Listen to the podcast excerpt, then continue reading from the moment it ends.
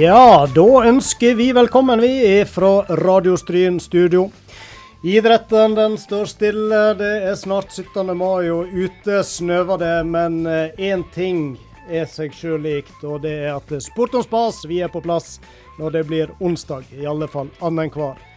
Velkommen til dere som måtte ha inntatt plassene foran nettradioen eller en god gammel radioapparatur hjemme i stova eller på kjøkkenet. Vi eh, håper selvfølgelig det er noen som hører på oss live òg. Ikke sant, Frank og Thomas? Ja da, jeg hører du sier stove eller kjøkkenet. Jeg personlig hører ofte radio når jeg sitter på do. Det er òg en fin måte å utnytte den tida på. Absolutt. I dagens samfunn må vi jo være effektive og Har du eh, FM-radio på do? Selvfølgelig. dobbel kos. Hvis det er lov å si. Hvis det er lov å si. Det vet ikke jeg helt.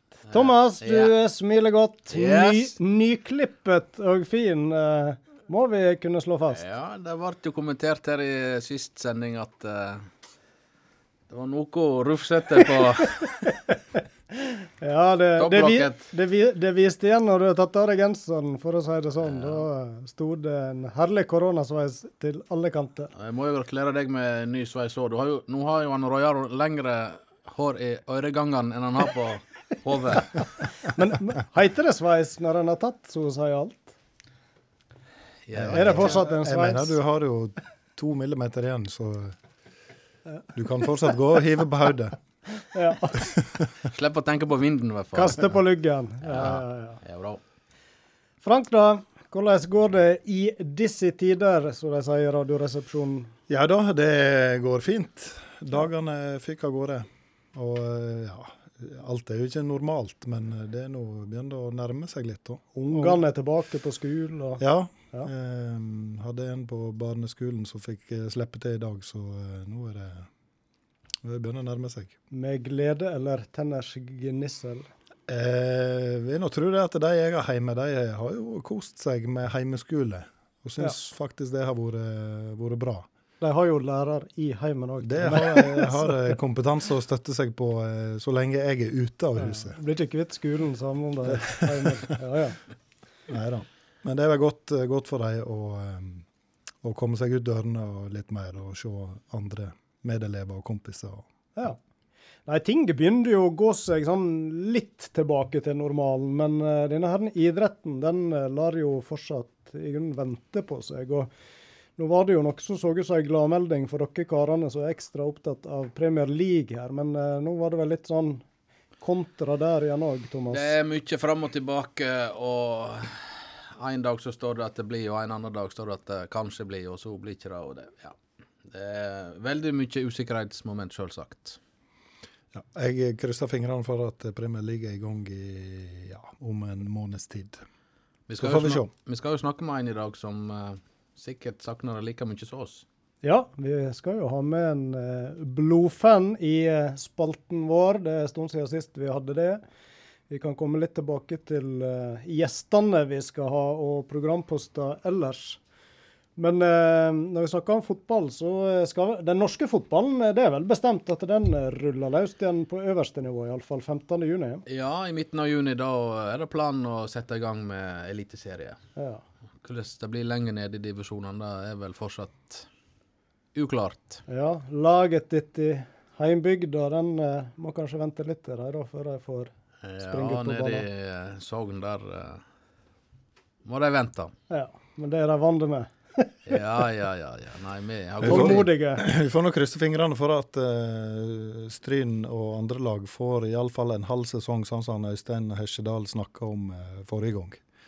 For det, det vil nå være litt stusslig å gå gjennom uh, hele året uten breddefotball. Mm. Men i mangel da på uh, fotballtilbud Nå, som jeg sa innledningsvis, vi nærmer jo oss vi er i 17. mai-veka, hvis det er noe som heter.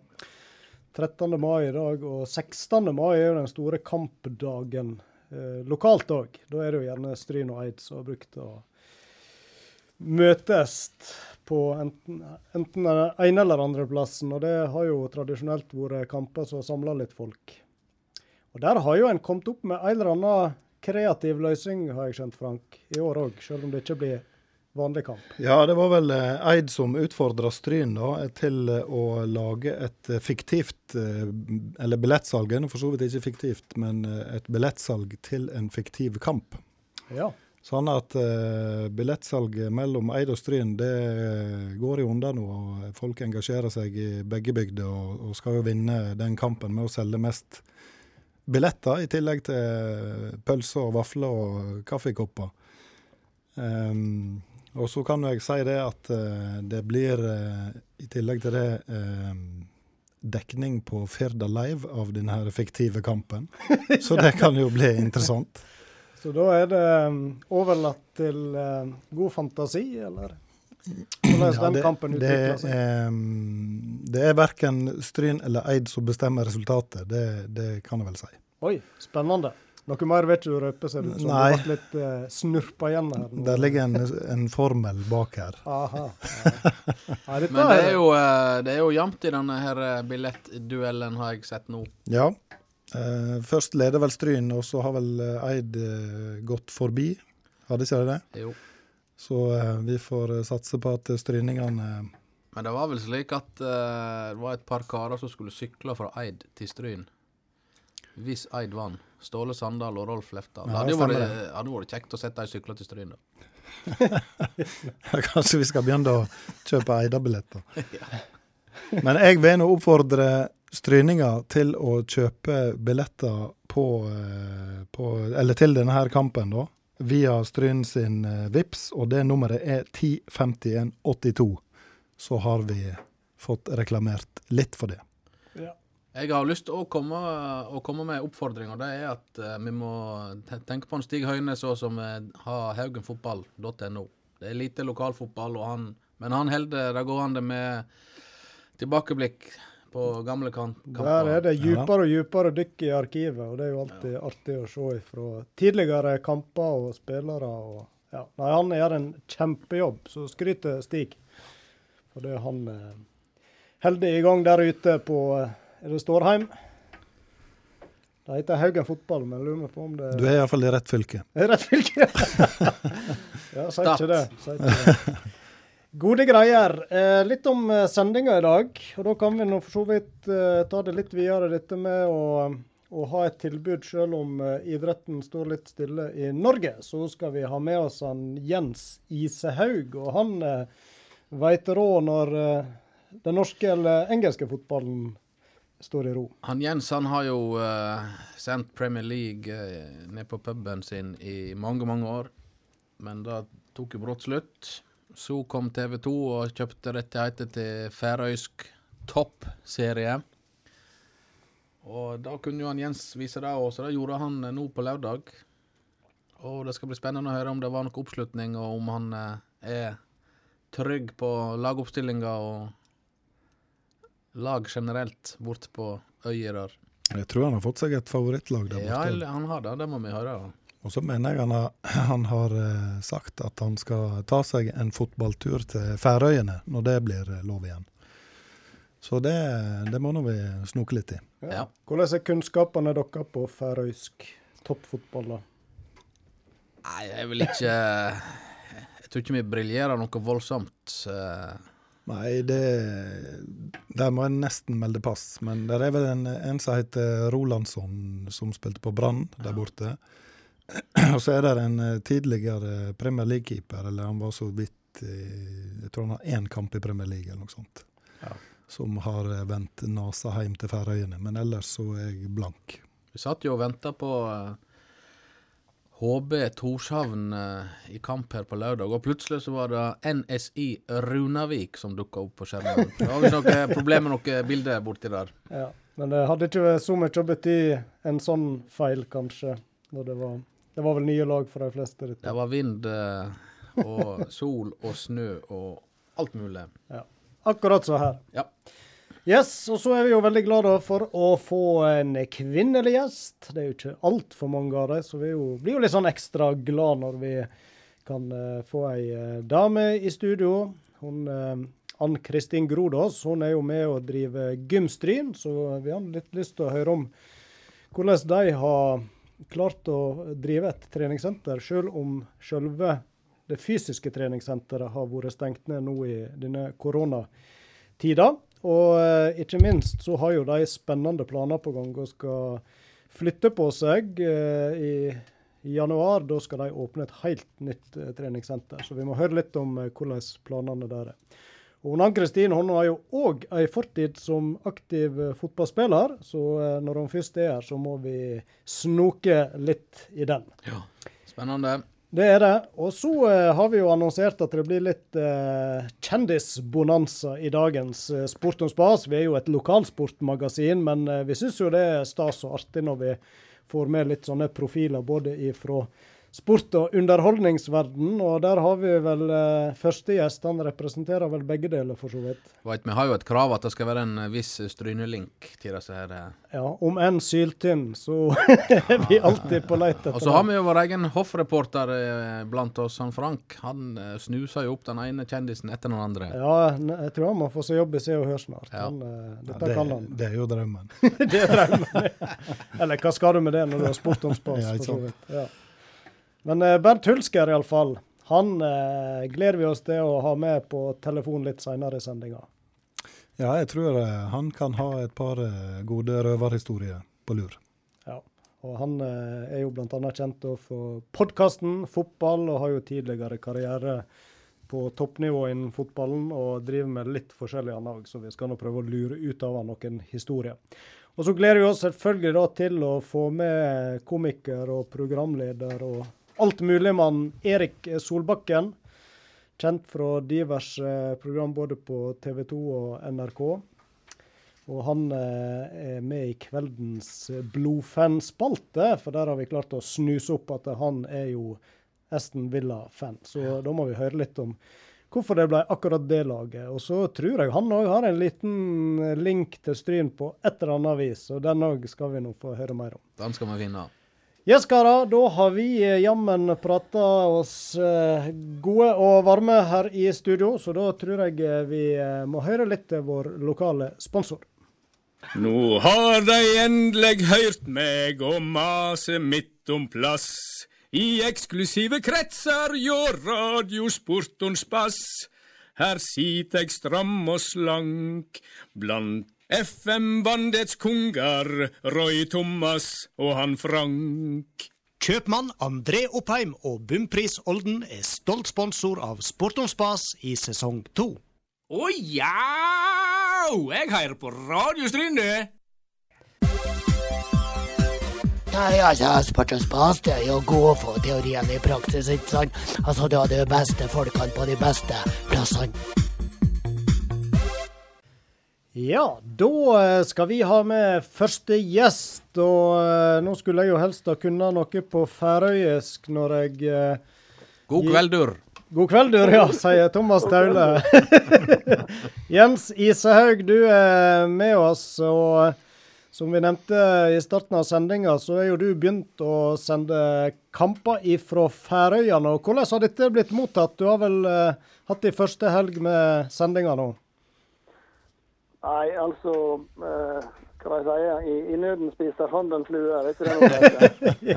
Ja. Eh, nei, det var noe veldig hypa opp dette der. Og det var nå en veldig artig ting å, å prøve, og vi kommer til å fortsette med det. Men nå, nå begynner jo Bundesliga da til helga, så jeg, jeg har en liten følelse av at det kanskje det kommer til å stjele litt mer av, eh, av eh, Bundesliga trumfer færøysk fotball. Ja, men altså, det, det er nå en veldig artig greie, da. Altså, det, det, vi som så disse kampene som gikk på TV Jeg så faktisk reprise av den kampen som ikke gikk på TV dagen etterpå, bare for å se mitt favorittlag slå uh, Poppe sitt favorittlag. Det var noe sant. Det blir jo litt spesielt, sant. Ja. Hva er hva er det som er favorittlaget ditt, Jens? Det er V36, Torsvik. Torshavn heter det vel. Jeg må faen meg lære meg det òg. Nei, jeg velger meg et lag i Torshavn, for jeg tenkte at vi må ha, hvis vi skal reise bort der noen gang, så må jeg ha kort vei fra flyplassen til puben. Ja, Det er jo selvfølgelig viktig. Men eh, kom det litt folk på lørdag og ville kikke? Det kom noen, men eh, det var, det var litt sånn de gode gamle pluss litt det, da. Ikke noe sånn voldsom greie. Men det som var litt artig, det var jo at eh, eh, dette var jo kamper som du kunne tippe på på sant? Så, eh, og det gjorde folk, for det er ikke så forferdelig mye å tippe på for tida. Sånn at eh, når, når Runavik eller hvem det måtte være skårte mål, og folk hadde tippa på Runavik, så var det jo jubel omtrent som at eh, hvis at Liverpool eller Aston Villa eller Arsenal hadde vunnet, skåra et mål i en kamp der du hadde tippa på dem. Sånn det var, det var det som var hele poenget med dette. her. Det var å få tilbake litt av følelsen med å, å møtes og, og ta deg et glass med godt kaldt drikke eller en kaffe, eller bare å møte folk igjen og gjøre det som vi alltid har gjort, men som vi har blitt forhindra fra å gjøre i ganske lang tid nå. Og om det da er om det da er færøysk fo- fotball, eller om det er Altså, vi har sett på repriser i to måneder. Vi blir leid av det òg. Ja, hvordan har det vært, eh, Jens, nå med plutselig to måneder uten fotball nede på puben? Det er jo noe som har mangla for din del òg, selvsagt. Altså, her er jo veldig mange av de som frekventerer puben, og meg sjøl inkludert. Jeg, jeg hater jo å Altså, når Premier League er ferdig ap- mai, eller vanligvis i mai og starter opp igjen i august, så snakker vi om at nå er det fotball igjen. Nå er ikke det fotball igjen før om tre måneder. Det er jo det. Du har tippeligaen og alt dette der, men det teller jo liksom ikke. Det, det er Premier League som gjelder. Eh, men altså, nå, Vi hadde tatt til takke med tippeligaen for all del, men nå var dette det vi fikk, og det var det vi tok. og det, det Vi syns det var litt artig å bare lage et lite ut av det. Det var jo mange som fant sitt favorittlag, eh, så vi på Facebook der, og de fant jo Ja, lag tror, jeg, tror det var nesten 100 kommentarer på det innlegget som var lagt ut om dette. der. Og de fant jo Og sitt Der ble jo alle eh, oppmodet om å finne sitt favorittlag. da, og, De fleste gjorde jo det, da, uten å ha noe som helst bakgrunnskunnskap om hva disse lagene sto for. Nei, det var jo mange- Fuglafjørdu ligger jo helt i bånn, men de fikk jo mange, mange supportere fordi at de var dårlige. Men de vant jo første kampen sin, de, så ja. Du, du Jens, så har nå eh, sett ganske mye fotballkamper etter hvert. Du er jo Manchester United-fan sjøl. Eh, hva vil du si om nivået da på færøysk fotball? Er det, er det bra nivå? Nei. Nei. Eh, rene ord for pengene. Jeg vil faktisk tro at Stryn faktisk kunne ha hevda seg på dette nivået der. Ja, ja. Men bort skal du. Det er ikke dermed sagt at Stryn er dårlig, det er ikke det jeg sier. Men, men altså, dette nivået der, toppnivået der er jo ikke på toppnivå med så veldig mange andre ligaer i Europa. Da. Det, det sier jo seg sjøl. Du har jo sagt at du har lyst bort eh, når koronaen er forbi. Altså, jeg sa, jeg, jeg leka litt med tanken. Jeg sa det til meg sjøl at nå bruker jeg å reise fem-seks ganger til Manchester i året. Og la oss si at det koster 5000-6000 per gang, da. Eh, og så får ikke jeg reise på et år. Da har jeg råd til å reise på en tur, en tur til 30 000, og så likevel tjener jeg på det. Så ja, jeg har lyst. Det var økonomen som talte. Men eh, sånn jeg tolker deg, da, Jens, så eh, blir det kanskje sånn at eh, færøysk fotball fikk skine ei helg, og så er det Tyskland og Bundesliga som tar litt over her. Nei, vi har jo, eh, vi har jo to Vi har en storskjerm, og så har vi en eh, litt stor mindre skjerm. da, Så vi, vi kommer til å vise Bundesliga på den største, og så viser vi færøysk på den minste. Hva Vi du kan, tror vi, om kan, vi, vi kan ikke fade ut Færøyene nå. Nei, nei, nei, nei. Jeg har sagt A, så må en si B òg, ja. Og- Nei, nei, nei. Er du, altså, du, du, har du valgt deg en klubb, så må du følge klubben din. altså, De sier det at du kan bytte jobb og du kan bytte kjerring og alt mulig sånt, men du bytter aldri fotballag. sant? Så nå har jeg fått meg et uh, færøysk fotballag, og det skal jeg følge tjukt og tynt. Jeg valgte jo HB Torshavn, og Det var jo mye eh, likt deg, Jens, med kort, eh, kort vei fra flyplass til stadion og sikkert kjempesentralt i Torshavn. Det er vel ikke så stort, antakeligvis. Tipper vi spiller på samme bane òg. Ja, det tror jeg, det tror jeg faktisk de gjør. De deler stadion, stemmer det? Ja. Men hva du tror nå, da, med tysk fotball og Det blir jo kjekt, men uten folk på tribuner? Nei, altså for oss som ser på TV, så har ikke det så mye å si. Det er noe det er noen spillerne og atmosfæren på stadion som får lide under det. Altså, bare det å få se det på TV igjen er jo Ja, hva skal jeg si, da. Folk er jo nesten Altså, er du villig til å se på færøysk fotball, så ser du på tysk fotball uten publikum òg, for å si det sånn. Det vil jeg tro. Eh, Det, det er bare det å få, få ting til å begynne å bli sakte, men sikkert litt normalt igjen. Og, og folk er jo helt desperate etter å se fotball. Det høres helt idiotisk ut, men sånn er det bare. I forhold, til, uh, I forhold til Premier League, hva tror du der, Jens? Har du trua på at de kommer i gang i, i begynnelsen av juni? Ja, min personlige mening, ikke mening, men tro. Jeg tror ikke det, fordi at nå er det mye tilfeldig i Brighton. Mm. Og de spiller i Premier League. Jeg kan ikke skjønne at de kan starte opp igjen. Og smittetallene i England er ikke under kontroll. Jeg, eh, jeg, jeg, tror ikke det. Jeg håper de gjør det, men da, hvis de gjør det, så håper jeg de vet hva de gjør. Men jeg tror ikke det, altså. Jeg ser jo det er enkelte eh, profilerte spillere som går ut og uttrykker sin skepsis òg. Ja, Aguero blant annet tenkt på. Ja, jeg skjønner jo veldig godt det, da. Uh, men så er jo problemet, da. Hva gjør en? Uh, annullerer en, eller lar det stå? Det, det, der er jo så forferdelig mange hensyn å ta. Leeds og West Bromwich er jo nesten klare for opprykk. Hva som skjer med dem? Mm. Hva som skjer med de som kjemper i bunnen av Premier League? Hvem som skjer? Altså Sheffield United vinner hengekampen sin, så de er forbi Manchester United.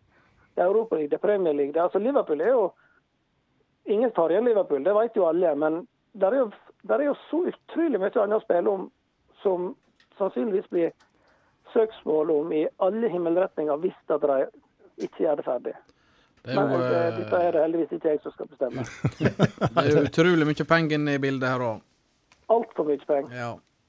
Så nei da, dette her veit ikke vi noe om, men uh... Nei. Nei, da er det tryggere å involvere seg i færøysk fotball. Der uh, tror jeg det er litt mer behagelige pengesummer det går på.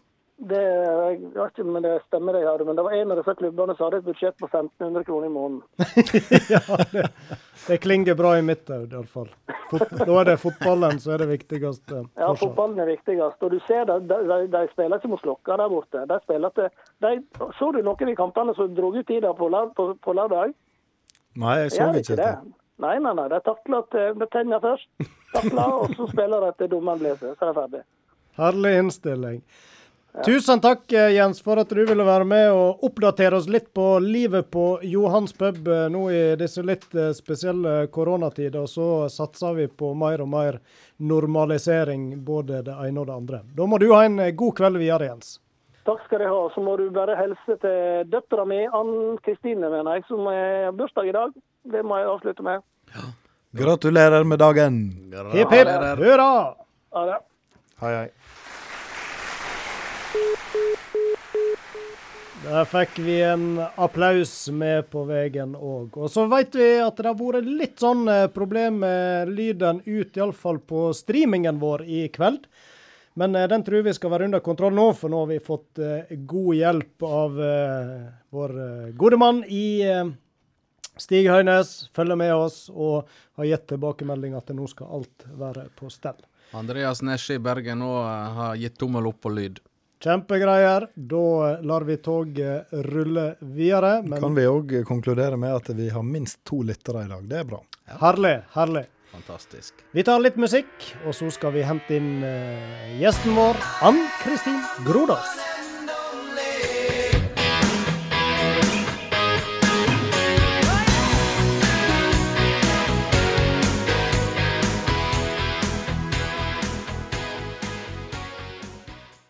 Ja, i dag da eh, våger vi oss til med en eh, gjest i studio igjen. Og vi prøver nå å sitte på god eh, avstand her. Og så er noen treningsinstruktør òg, og hun ser frisk og rask ut. Velkommen til deg, Ann Kristin Grodås. Takk for det.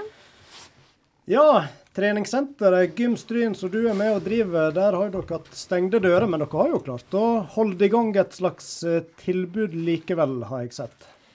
Ja, vi har prøvd på det. Vi har prøvd å jobbe digitalt. Både legge ut økter så folk kan gjøre det sjøl, og uh, være med på økter. Altså ha dem live på Facebook og på, i andre kanaler. Så jeg tror vi har holdt en god del aktive. Og så har vi òg lånt ut utstyr til ca. 100 medlemmer. Så det er, der er, mange som fortsatt er i aktivitet, der. Ja. Men vi, vi kribler jo etter å få alle i gang igjen. Du har jo en til høyre for deg, så jeg vet uh, hev, Se med på iallfall ei økt som Gymstryn har hatt, stemmer ikke Hvordan vet du det?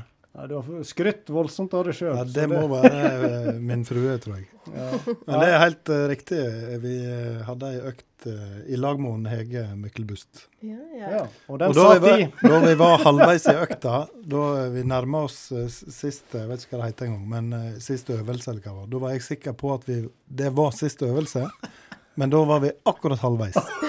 Så da hadde jeg brent altfor mye krutt eh, halvveis, da, så eh, jeg var god og sliten etterpå, ja. Den følelsen. Uff, Hashtag den følelsen. Ja, hvordan har oppslutninga vært? Har du noe inntrykk av det? Hvor mange som følger disse treningsøktene dere legger ut? Um, vi får jo noen responser på det. Uh, at de liker det, eller at de tester det ut, eller at det var travelt, eller Ja, mange forskjellige varianter av det, da. Ja. Um, men eh, en har jo ikke helt feelingen med det, det har ikke en. Men en, det er jo i god tro om at folk eh, finner noe å gjøre og finner en plass å begynne. Mm. Det er det. Ja. Men det er vel litt kjekkere når en kan ha folka fysisk rundt seg og både inspirere til Ja. trening og ja. Det er det helt klart. Det merker nå jeg sjøl òg, at det er mye kjekkere å ha, ha folk rundt seg og trene i lag. Men nå, har jo, eh, nå åpner jo samfunnet mer og mer, har vi sett. Men treningssenter de må vente en stund til. Mm. Det må vi. eh, Det er fryktelig urettferdig. har, du, har du fått noen dato, eller? Vi har fått 15. juni. Ja. Det har vi. Men nå, nå kjører vi i gang med utetreninga. Så nå har vi fått vært litt på stadion og hatt eh, Det var jo verste veka å begynne med utetrening på den veka her. Eh, men vi har eh, vært på stadion på tribuner, sånn at folk ikke skal ha den unnskyldninga at, det, at det snøver og regner og er kaldt. Eller kaldt er det nå fortsatt. Um, men da da er det iallfall ikke det her regnet som hindrer dem. Um, og det har nå vært Nå har jeg ikke vært instruktør sjøl denne veka, men det har nå vært veldig kjekt å møtes igjen. Eh, med eh, avstand og alle de tiltakene en må, må ha, da. Så det kommer vi til å fortsette med fram til vi åpner. Det gjør vi. For dere har jo flytta ut dere nå vel fra disse tidligere lokalene bort med Stryn videregående skole. Og ja. sånn sett så passet vel det for så vidt greit kanskje opp mot at det likevel var litt rolig nå. Ja. Ja, eh, hell i uhell, skulle jeg si, så, så var det jo greit nok eh, å få flytta mens det var, alle, var stengt uansett. Det var det. Eh, mesteparten ble jo flytta på to dager, og så er det litt sånn flikking igjen. Og så er vi ferdig på videregående og klar for å åpne igjen på, eh, på Kveen, der vi har hallen vår. Så Ja. blir vi der et halvt års tid. Ja, for vi nevnte jo det at dere skal i gang med et helt nytt eh, treningssenter, eh, der eh, Europris holder til nå. Men det er 1. januar. Ja. Det er det vi ser for oss, at det er da vi er klar til å Januar eh, Ja, i årsskiftet. At det er da vi kan være klare der. Det er det. Og så nevner du Kvenbygget. Klarer dere å huse både gruppetimer og treningssenter med alle apparat og uh, spinningsykler? Nei. Uh, du kan si at spinningsyklene de er lagra nå. Uh, så det blir dessverre ikke spinning fram til vi åpner en ny spinningsal i, i nye anlegget vårt. Eh, vi måtte gjøre litt prioriteringer. og i den Kvenhallen vår, der får vi plass til alt som har vært på videregående. Så den egentreningsbiten, den eh, blir ivaretatt eh, fullt og helt. Eh, folk skal kunne komme og gå akkurat sånn som de har gjort før. Eh, gruppetimer har vi eh, eh, har vi flytta ut av de lokalene for å da ha, ha egen trening der, og så kjører vi gruppetimer en annen plass. Ja. Det gjør vi. Men eh, ja, nå havna dere på Europris. Eh, Jeg mener jeg det var en stund det var snakk om Arena Stryn og der borte, men det, de planene forsvant. Eh, ja. Vi For vår sin del så hadde ikke vi tid til å vente lenger. Eh, Kontrakten vår gikk ut på videregående, og vi måtte handle. Eh, vi kunne ikke risikere å stå uten noen ting. Så Europris så vi ble ledig, og vi har mm, sett gjennom det, og det er ypperlige lokaler for vår sin aktivitet. Og at vi får faktisk utvide aktiviteten vår med, med buldreanlegg. Så mm, ja. Buldreanlegg, da tror jeg du må forklare litt. Ja. Ja. Det er klatring uten eh, sikring. Eh, Dette ned på tjukkasa. Så det er 3,5 meter høyt. Eh, Det er høyt nok, og dette. Eh, Men det og så lager en ulike ruter, både for nybegynnere og eh, de entusiastene i klatremiljøet.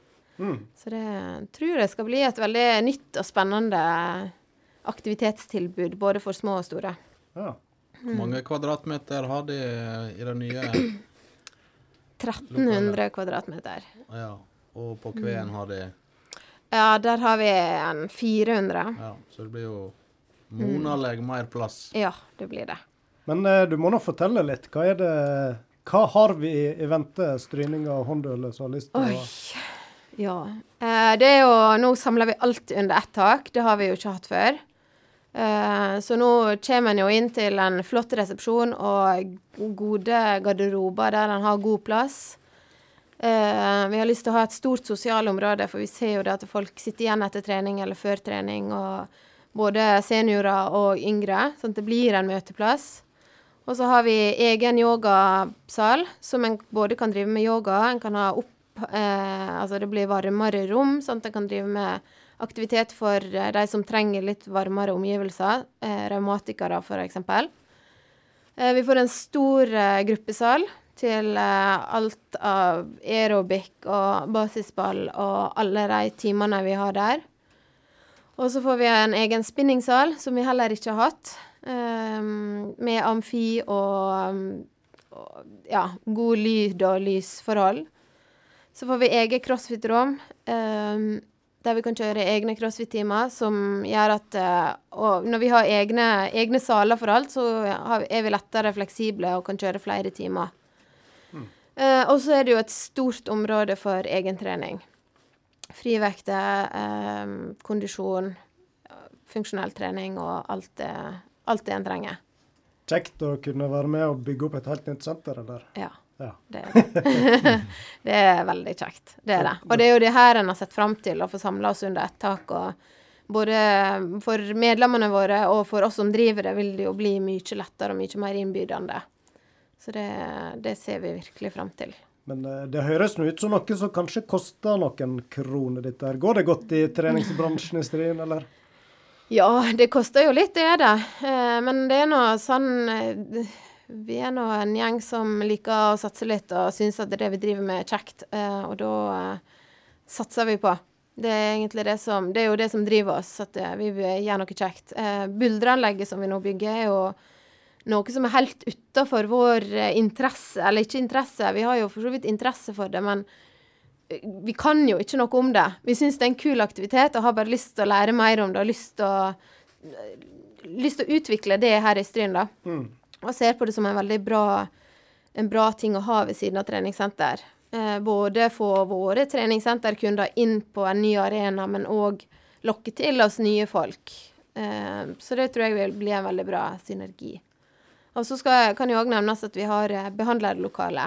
Eh, sånn at vi vil ha eh, fortsatt fysioterapeut og, og mm, ulike behandlingsformer. Kan jeg spørre hvor mange medlemmer er det i Gymstry nå? Har dere klart å rekruttere på disse fem, fem åra dere har vært? Ja, det har vi. Vi har jo, vi har jo vokst. Det har vi. Nå har vi jo gått ned igjen eh, i koronatider. Eh, men vi har ligget jevnt på 700 medlemmer. Oi. Eh, det har vi gjort. God prosent med tanke på innbyggertallet. Ja, det er det. ja.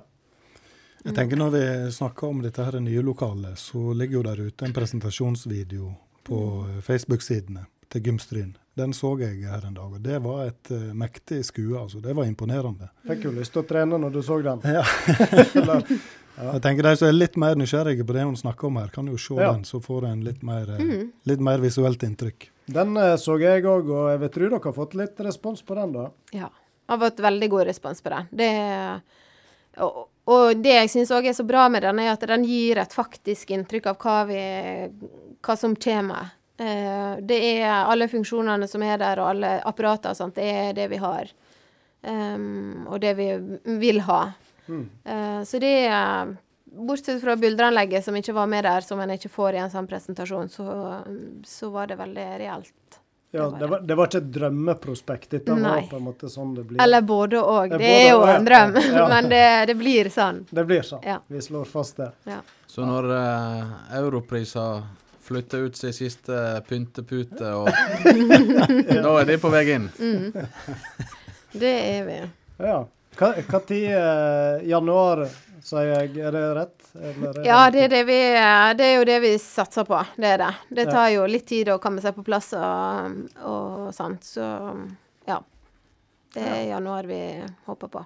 Mm. Ja, men det blir spennende. Det blir jo litt utenfor sentrum, eh, men det gjør det vel ikke noe. Ja, jeg tenker at det er ikke så veldig langt ifra stadion. Det har en ganske nær tilhørighet der. Og så eh, skal det òg sies at vi eh, drømmer og snuser på ei bru over eh, Mm, mellom, si mellom Speiderhuset og området der og rett over. Ja. Ah, Eh, og da er en plutselig veldig nær.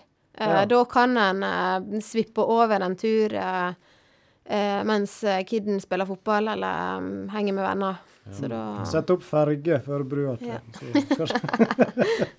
Så kanskje Det, det høres jo fornuftig ut å ha en link til stadion, men jeg, tilbake til det du sa i stad, Jaron, med, med at det var aktuelt å ha dette her eh, i arenabygget, så tenker jo jeg da at det hadde vært det ultimate hvis den løsninga hadde gått i orden.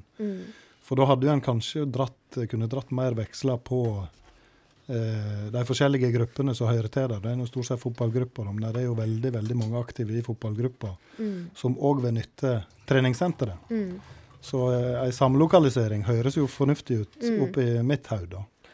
Eh, Absolutt. Det, og det er jo noe vi òg kunne tenke oss og ville veldig gjerne være med på. Men uh, av flere grunner så, så gikk ikke det, og for vår sin del så, så rann litt tida ut. Ja. Eh, vi, vi kunne ikke stå med, uten lokale eh, og måtte avvikle drifta. Det er ikke et alternativ for oss. Da må vi heller gå egne veier.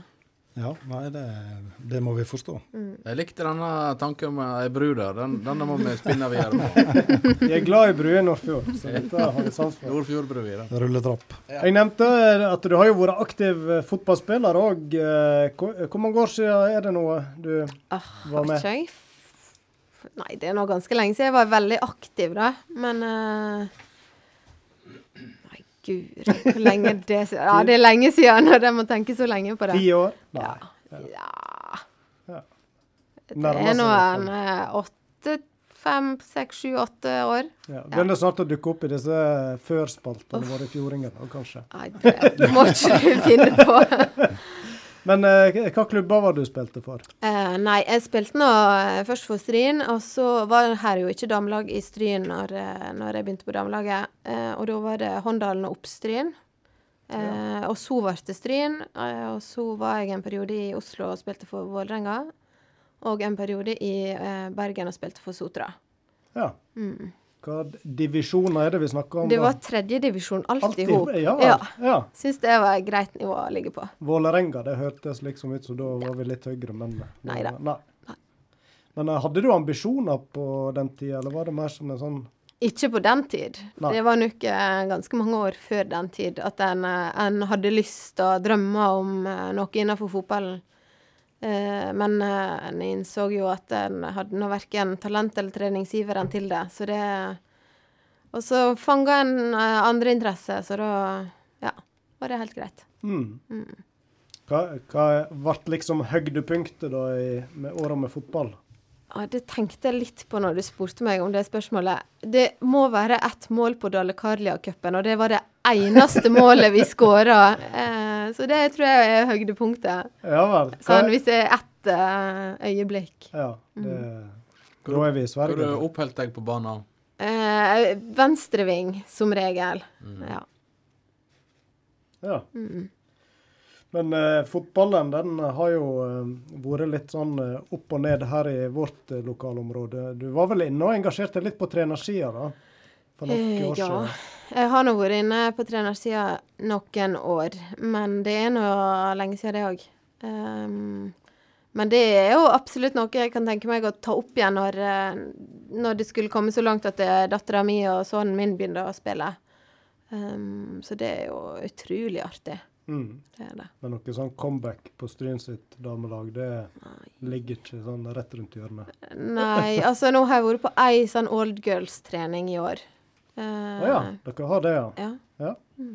i februar i uh, snøkave, og jeg tror vi var de ivrigste en stund der. Ja. Veien er kort uh, i, til benken, eh, hvis det er veit for spillere, veit du. Ja. Jo da. Men det er vel fortsatt kjekt med fotball? da. Det er veldig kjekt. Og det, eh, det oppdager en jo da når en bare møtes, eh, og, og det er sosialt, og det er for gøy, og det er for treninga sin del. Så er det jo utrolig kjekt. Så det er jo absolutt noe jeg vil eh, fortsette med når vi får lov til det, og tida strekker til til det. Mm. Hvordan samler du inn i treningssenterværet, da? Jeg skulle aldri tro at jeg skulle holde på med treningssenter, egentlig. Uh, men uh, jeg gikk idrettslinja på videregående og tenkte da at uh, jeg skulle drive med et eller annet som hadde med aktivitet og trening og helse å gjøre. Um, gikk videre på ernæringsfysiologi. Um, og personlig trener. Og det eneste jobbet som var her i området, var jo da på Eid.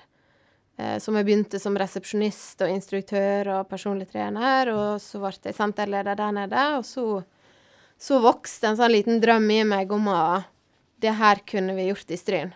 Ja. Um, og så var det bare å finne ut hvordan og sette i gang. ja. Og det Og da, da- du jammen fått til. Ja. Du nevner personlig trener, PT, som det heter Mm. på populært. Er det noe som er utbredt på en liten plass hos Stryn, eller? Det er noe Det er jo ikke så veldig utbredt. Vi har absolutt tid til flere, flere kunder. Det har vi. Uh, reise rundt og kjefte på folk at de må ja, nei, eh, de får nok komme til oss, skulle jeg si. Vi Og kan- betale for det. Ja. Det jo Ja, sant. Nei, men uh, um, jeg tror det er mange som hadde hatt godt av det for å komme i gang, da. For å komme skikkelig i gang og Og gjøre ting riktig i starten, da. Mm. Eh, det tror jeg. Frank, du hadde vel hatt behov for en personlig trener når du eh, bare var halvveis i dette treningsprogrammet?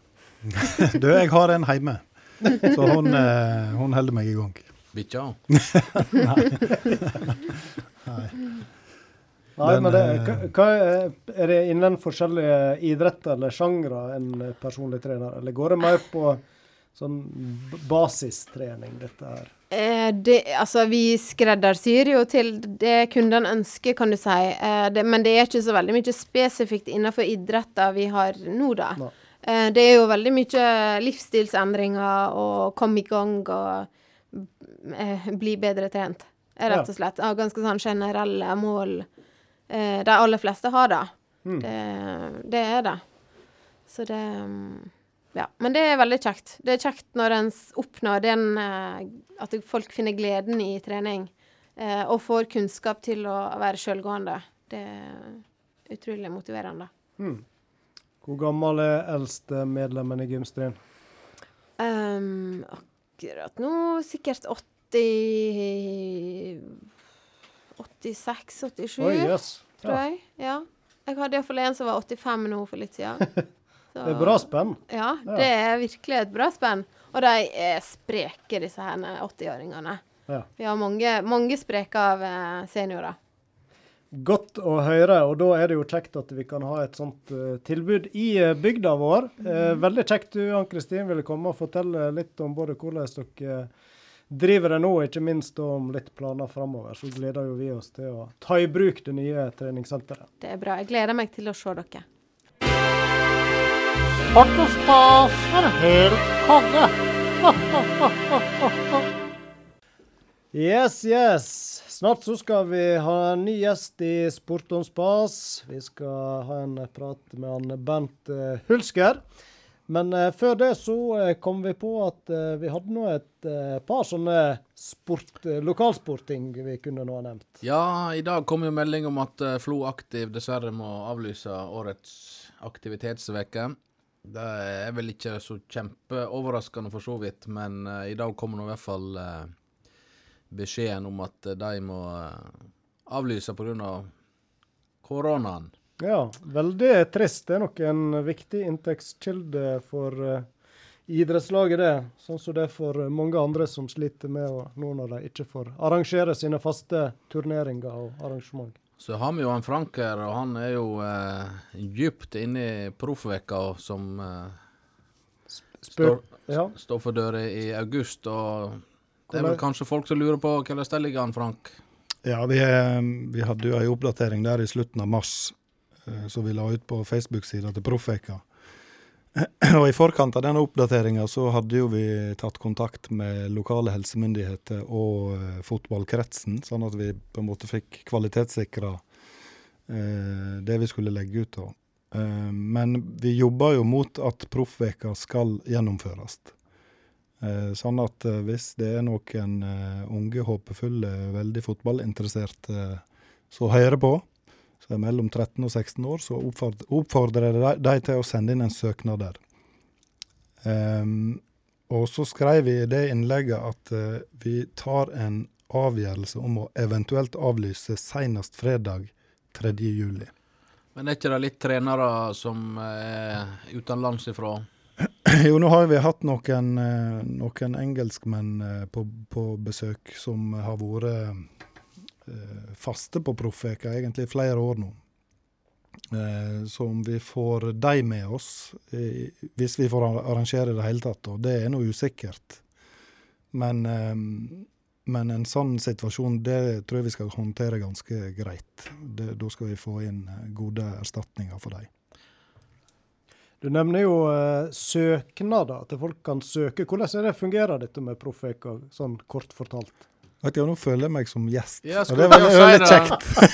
Vi har fått en gjest i studio. Han Kjenn på det! han står ikke på programmet. Nei da. Nei, nei der er jo, eh, vi har jo ei egen hjemmeside som heter proffveka.no. Der ligger masse informasjon og bilder og søknadsskjema og eh, hele pakka. Alt du trenger å, å vite, egentlig. Mm. Så det er et form for uttak, dette her. Det er Ja, det er jo det. Eh, Vi får jo eh, Vi har jo plass til, til um, oppunder 90 deltakere. Og vanligvis så får vi inn eh, mange flere søknader enn det, så vi får ikke plass til alle.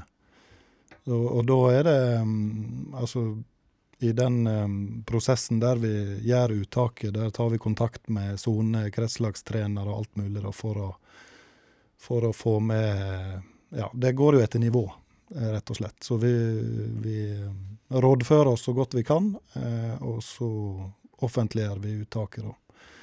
I, søknadsfristen er 1. juni, og uttaket blir vel gjort en ti-tolv dager etter den datoen. Mm.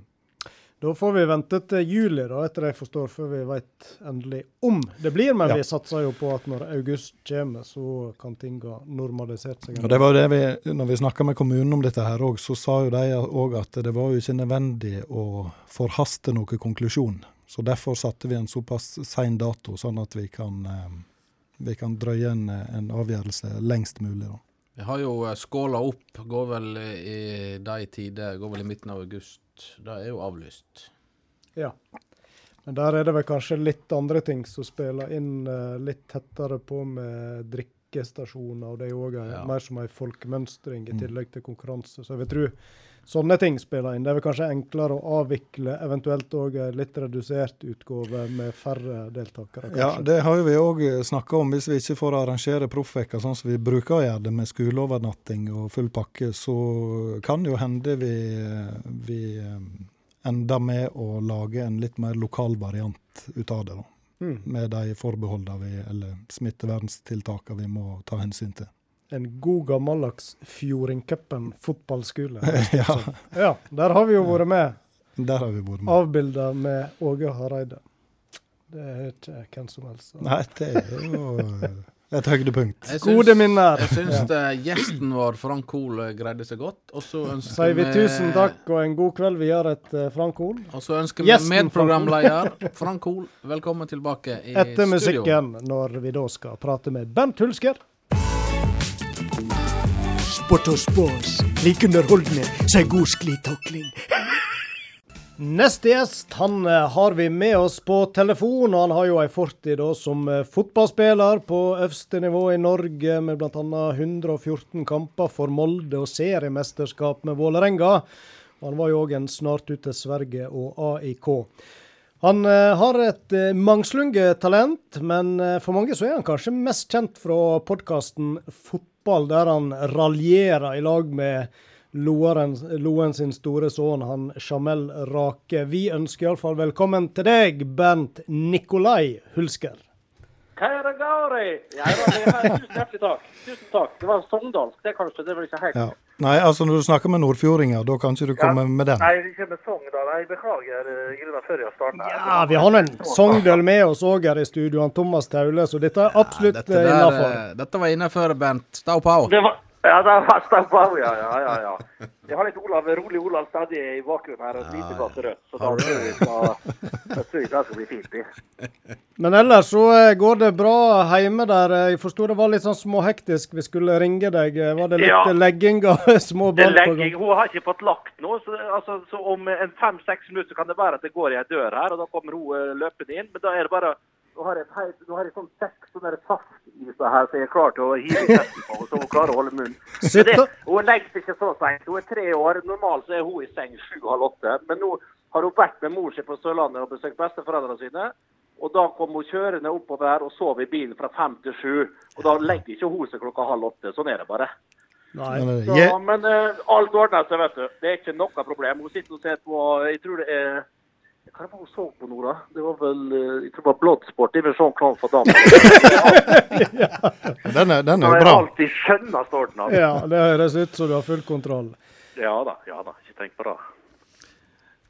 Eh, du, eh, vi må jo eh, Du var jo i Loen her eh, mm, nylig i lag Ja. med han Jamel. Ja, fantastisk. Med full sal og stormende Ja, jubel. Åh.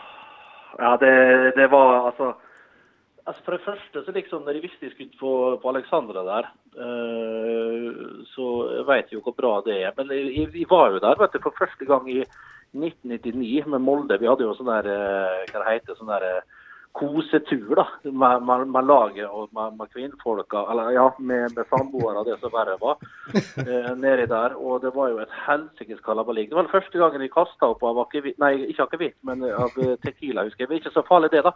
Men så er det bugnende bugnende buff- buffeen du får på liksom, Du får det knapt noen annen plass, altså. Du har varmdisken der, du har kalddisken, så eget sånt dessertbord. Altså, det er Reka Kjetil Rekdal var jo med. Og han gikk jo opp på tre dager, så gikk han opp 3,6 kilo. Bare på den turen.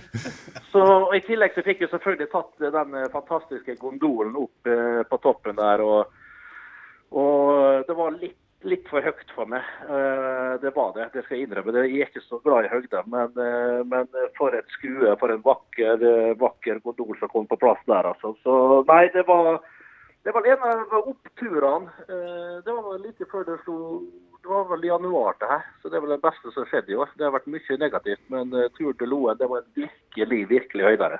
Ja, Og Jamel han fikk vel stolt vist fram eh, barndomsbygda, regner jeg med. Åh, du vet at eh, han var yr som et koppelam der han var, som viste oss rundt. Han var stolt som en hane, og det skjønner jeg.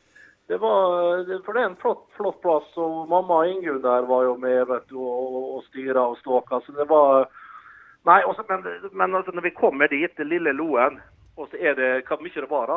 Det var 350 solgte billetter, og likevel så var det, var det folk som ikke fikk komme inn. Og det var helt, helt enormt. Det var en uh, fantastisk uh, opplevelse. Og jeg, og så en god stemning som det var òg. Så det var Nei, det var, det var virkelig, virkelig kjekt. Altså. Så dit skal vi tilbake. Det har vi bestemt oss for allerede. Så det er ikke noe å tenke på. Ja, Dere er hjertelig vel, velkomne til det. Men du nevnte den der buffeen på, på Alexandra, Bernt. Jeg har hørt, eh, eller Forsynte du deg mye av løk på den buffeen? Jeg har hørt du har et litt anstrengt forhold til løk. Eh, Bare at du nevner ordet løk, så går det for de frysningene nedover ryggen. eller Du vet at uh, jeg vokste opp med en mor. altså Der vanlige mødre går til et apoteket og kjøper medikamenter der, så hadde jeg en mor som hadde en sånn svart trollbok. Så hun la slavisk når eh, sønnene og, og dattera var syke. Så jeg, jo, jeg fikk jo elveblest alltid når eh, Sirkus Arnardo og Sirkus Merano som kom til Vestnes sånn på, på våren, tidlig i sommeren. Så da kom elefantene som slo så jævlig. Jeg var så allergisk mot sagmugg. Elefantene trampa ned i sagmuggen, så kom det, det var som egen sky over hele Vestnes av den der greia der. da, Som gjorde at de fikk elveblest. Og, og alt mulig. Ja, Det, det, det er greit nok. Eh, Det var en annen historie, faktisk. Men det er jo én ting. Du er ikke allergisk? Da, gnei jo- meg inn med sitron. Altså skar en sitron eh, i to og, og, og, og smørte hele kroppen min inn med det. Og så måtte de ut og, og bade i 15 minutter. Ja, du, kan tenke deg i april-mai, da, hvor, hvor kaldt det var i sjøen. Nå lå jeg og duppa der som 8-9-åring og svømte ut i sjøen og skulle få vekk sånn bablene mine for elvebresten. Så det var helt forferdelig. Men et, tilbake til, til løk, da. Når eh, min samme mor da fant ut at jeg var influensa, eller jeg var forkjøla, så skar hun opp en sånn løksalat. Hun hadde en sånn stor bolle som hun fylte med løk, som hun hadde under, under senga mi. Så kan tenke den dunsten. Jeg hadde sånn lite, lite lite rom, et lite kott egentlig bare. Men så vidt det var en sånn skummadrass og laken hadde vi ikke. Og, et sånn tynt, tynt teppe som, som dyne. Og, og, og, i tillegg til at det lå det der eh, under senga der, så stappa hun eh, sånn der eh, hvitløksfett opp i neseborene mine, og så ett sånn der, eh, en sånn løkbit eh, i ørene. Så jeg var liksom overalt hadde jeg løk. Og dette her vokste jeg opp med. Eh, og jeg var, jo, jeg var jo ganske mye sjuk, for det var voldsomme trekk på ta rommet mitt i tillegg. Det var et gammelt her. Det høres forferdelig stusslig ut. Ja, det var stusslig. Eh, Så jeg var jo sjuk i grunn av hele vinteren, så det var i grunn av løk, løk, løk helt i Klarte å grine meg vekk fra det i sånn 13-14-årsalderen. Så det er det som gjør det Det er ganske flaut liksom, i festlige lag og når du er invitert til middag og litt sånn forskjellig. Og, liksom si at jeg kan ikke spise det. Jeg, jeg må si at jeg er allergisk mot løk. Det er jeg ikke. Det er bare at jeg, jeg kan ikke fordra det. Og jeg bare får en liten bit av det i en saus eller et eller annet, så, så brekker jeg meg og, og, og blir uvel, rett og slett. Så, så løk det rørte ikke på buffeen eh, i, i Loen. Det, det er riktig. Men du var, jo, ehm, du var jo tilbake i Stryn eh, for å spille kamp eh, et par år seinere enn den der holdt på å si Ja. treningsleiren. Det var vel ikke en treningsleir, men Nei, det var, det var kun kosetur, ja. ja. Men husker du noe fra den uh, cupkampen i 2001? Eh, var, var det da vi vant uh, 5-1 eller et eller annet? 4-0. 4-0, ja. Uh, jeg vet jeg tror jeg kom inn Jeg tror André Skei Lindbekk og, og Hosetten starta på topp. Uh, jeg kan ikke huske så mye. Spilte Leif Rune Loen den kampen? Noe, ja, han kom inn, spilte 15 minutter. Han spilte 15 minutter, ja. Da spilte han omtrent likt som meg. da. Jeg tror, jeg, tror ikke jeg spilte, så kan du se, Har du framfor Ja, du, du, Du spilte, ja. du spilte 24 minutter og kom inn for Magne Hoseth på slutten der. Jeg kom inn for Magne Hoseth, riktig, Ja. riktig. Nei, men eh, jeg var iallfall ikke, jeg- vi vant i hvert fall den kampen for noen år tidligere. Jeg vet ikke om det var 7 eller 98. Var det ikke da vi røyk da, på, med 1-0 der? Jeg tapte 1-0 i Var det i 95? da? Seks- 96. 96, ja. Uh, nei, men uh, det var ærlig innrømme, så husker jeg ikke så forferdelig mye av den kampen. altså. Jeg som ikke spilte sjøl, og når jeg ikke spilte sjøl, da eh, Jeg var ikke Ole Gunnar Solskjær på benken som satt og nistuderte hvordan Stryn-forsvaret opptrådte i tilfelle det skulle komme inn eh, siste halvtimen. Altså. Det, det gjorde jeg ikke. Hva du, eh, hva du tenkte på når du satt på benken nå? Nei, det var jo alt annet, selvfølgelig. Det var noe sånn det var bru der på benken og nei rundt der og litt sånn eh, Nei, det var kaffe og snus, egentlig. Og bare å ta det helt med ro. Vi hadde ganske god kontroll på den kampen, uh, syns jeg å huske. Men, men Leif Rune Loen, han husker du, eller? Ja, det er jo meg for at han er eh, blitt en kompis etter hvert. da. Så Mm. Han bor jo nede i eh, byen her, han òg. Og han og Rake er jo to sånne to uh, karer som går mye i lag. Så det har blitt at jeg har hengt litt med, eh, med Leifen, ja. Det, det har jeg. Vi er jo like gamle da, omtrent. Han er vel år yngre, kanskje. Ja, han, eh, han var jo en meget stødig høyreback, han eh, Leif Rune. Helt til, Ja. eh, helt til han fikk andre interesse. Ja, det var vel andre interesser der, rett og slett. ja. Det var vel skredder, og det var vel Ja, vi skal, ja han ble vel glad i det gode liv, han her. ja. Rart med det. Vi, vi hadde en diskusjon her, Bernt, om hvorvidt du egentlig har lagt opp Hva vil du si til det? Lagt opp fotballkarrieren? Er du Ja, jeg, jeg hadde lagt opp, og så hadde jeg et uh, comeback, med, eh, med Bygdø i, i 2016, eller hvor tid det var. Og så bare litt for mye springing der. Så la jeg opp igjen. Og så hadde vi et lite comeback her nå eh, for uh, Vestnes Varfjell, min moderklubb. eh, eh, mot Fikstad Rekdal, laget til Kjetil Rekdal da, eh, i, i, i høst i fjor. Og det endte jo så måtte ende det, eh, med ødelagt, ødelagte skuldre og såra stolthet. Så jeg er ikke helt sikker på hvor jeg er i landet nå, altså, eller i landet nå i forhold til videre fotballspill. Kroppen min, og Jeg var ute og jogga en tur eh, i går rundt Sognsvann, og det var det må ha vært et trist skue for de som eh, jogga forbi meg. altså det det så ikke det så ikke bra ut, for å si det mildt. Så det var eh, brukte det er vel tre kilometer rundt der, og jeg tror jeg brukte en eh, 35-40 minutter. Så kan du tenke deg sjøl. Men, men det at du vender tilbake til ja det blir nå moderklubben der og Vestnes, Ja. det, det betyr du har stolthet for den klubben? Ja, absolutt. Jeg er veldig patriot. Veldig glad i Vestnes. Eh, jeg. Prøver å oute Vestnes og alt som er med Vestnes. Det lille som er, det ikke all verdens. Det er jo sånn du er bygd, vet du, der trekker i alle retninger. Det er Inne i Tresfjorden skal de ha alt der inne. I Tomrefjorden skal de ha alt der. Og i sentrum så er det faen meg eneste vi har et helseheim og, og Rema 1000 og noe og Kubus. Og. Det, så jeg blir jo fortvila når du sitter utafor og ser på alt det greia der. Men jeg er jo like forbanna glad i bygda for det. Så jeg er jo ofte hjemme så ofte som jeg kan. Og min mor og far de bor jo fremdeles der, så jeg er nå er der så ofte som jeg kan. Så det, det betyr mye. Og klubben er jo Jeg har ikke like mye jeg, jeg har ikke så mange kjentfolk igjen. Sånn blir det jo når man blir eldre i, i og rundt klubben. Men vi jeg prøver å følge med så godt jeg kan. og så skal vi se det om vi ikke driver noe lobbyvirksomhet oppi Det er jo mer og mer kompiser som begynner å, å jobbe seg opp i systemet innad i, i kommunen der, som ikke får, lov, får eh, reist et skikkelig storhall der. Og da skal faen meg første lag vi inviterer, det er både Stryn og Loen og Nordsjø og det som verre. Men du Bent, du eh, Nå ligger jo Molde på andre sida av fjorden der, og uh, veien gikk jo dit uh, for deg en gang i tiden som fotballspiller. Kan du fortelle litt om hvordan det kom i stand? Ja, uh, det var faktisk ganske tilfeldig. Jeg hadde en kompis som heter Sebastian som spilte for Treff. Jeg spilte for Jeg har vel gått tilbake igjen til Varfjell da, tror jeg.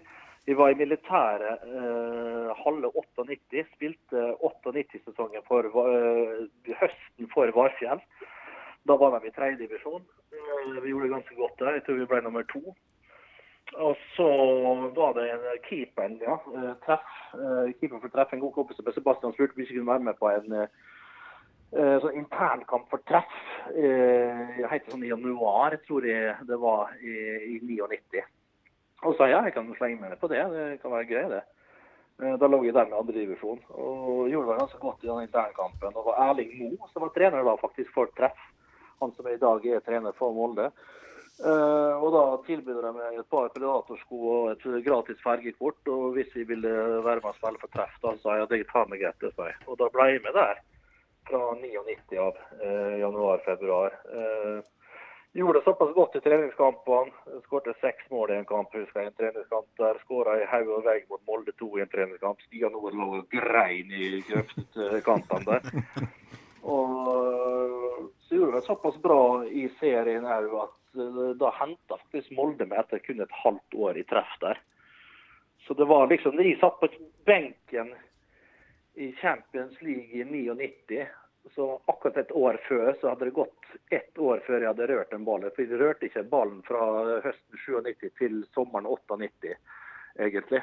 Uh, I det hele tatt. Det var et helt friår. Så det var, gikk ganske brutalt fort, uh, hele den greia der.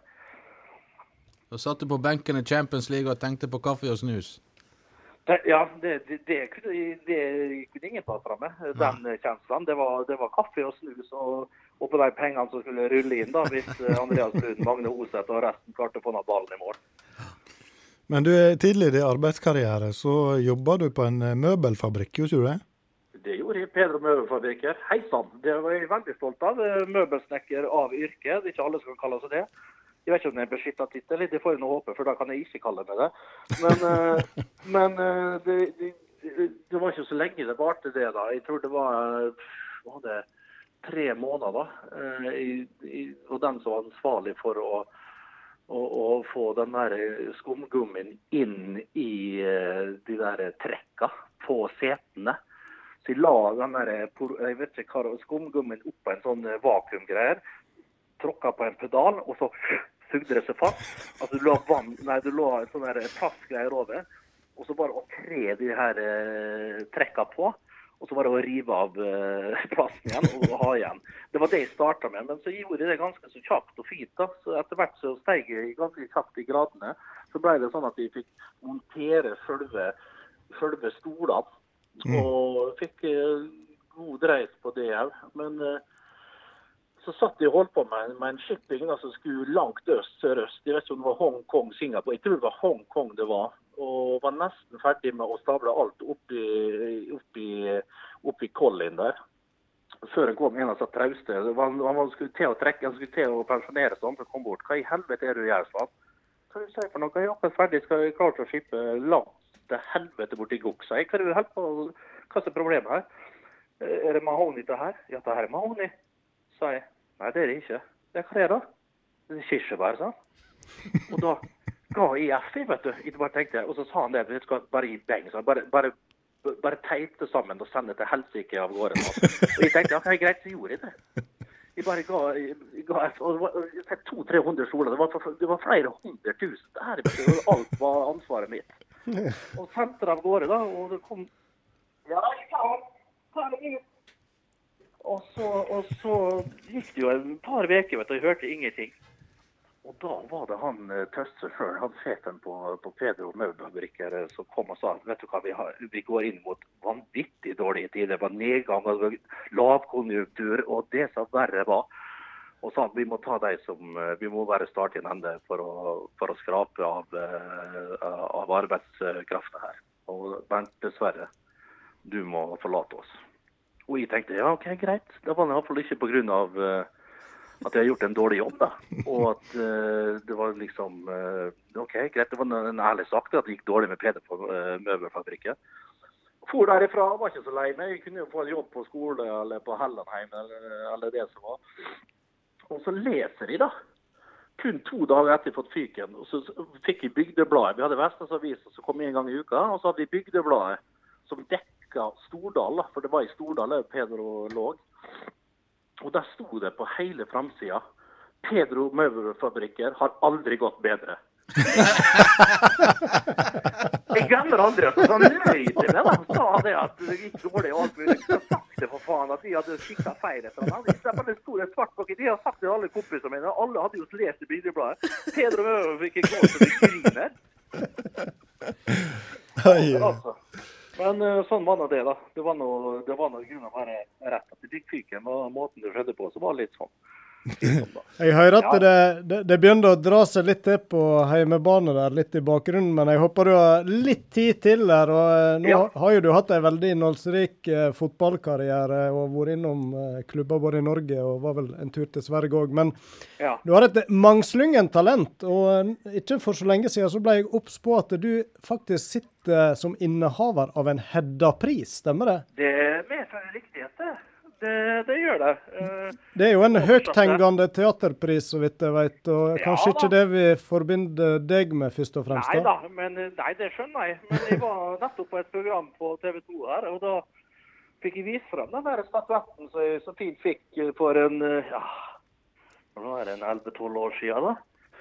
Ja, og Da satt jeg ved siden av Linn Skåber, og hun var så bitter. altså Hun har jeg aldri sett et mer surt kvinnemenneske. Og Hun, hun trodde ikke det var sant. vet du. Nei. Hun fortalte at jeg hadde fått Hedda-prisen her, og hun hadde holdt på å streve og holdt på i alle år for å få til en sånn pris. Og der kom en avdanka fotballspiller og kunne slå i bordet med en Hedda-pris. Men det stemmer, det. Jeg og en kompis han er jo, han er jo sjefsdramaturg eh, for Det Norske Teater. Vi tok det oppdraget å oversette et stykke fra hollandsk til norsk. Et eh, stykke som heter 'Vinterdvale', som vi oversatte det til da. Og det gikk så det grein etter på var det det norske, eller var det teatret vårt? Tror jeg det var teatret vårt oppe i Molde. Uh, og det vant Hedda-pris for beste barnestykke.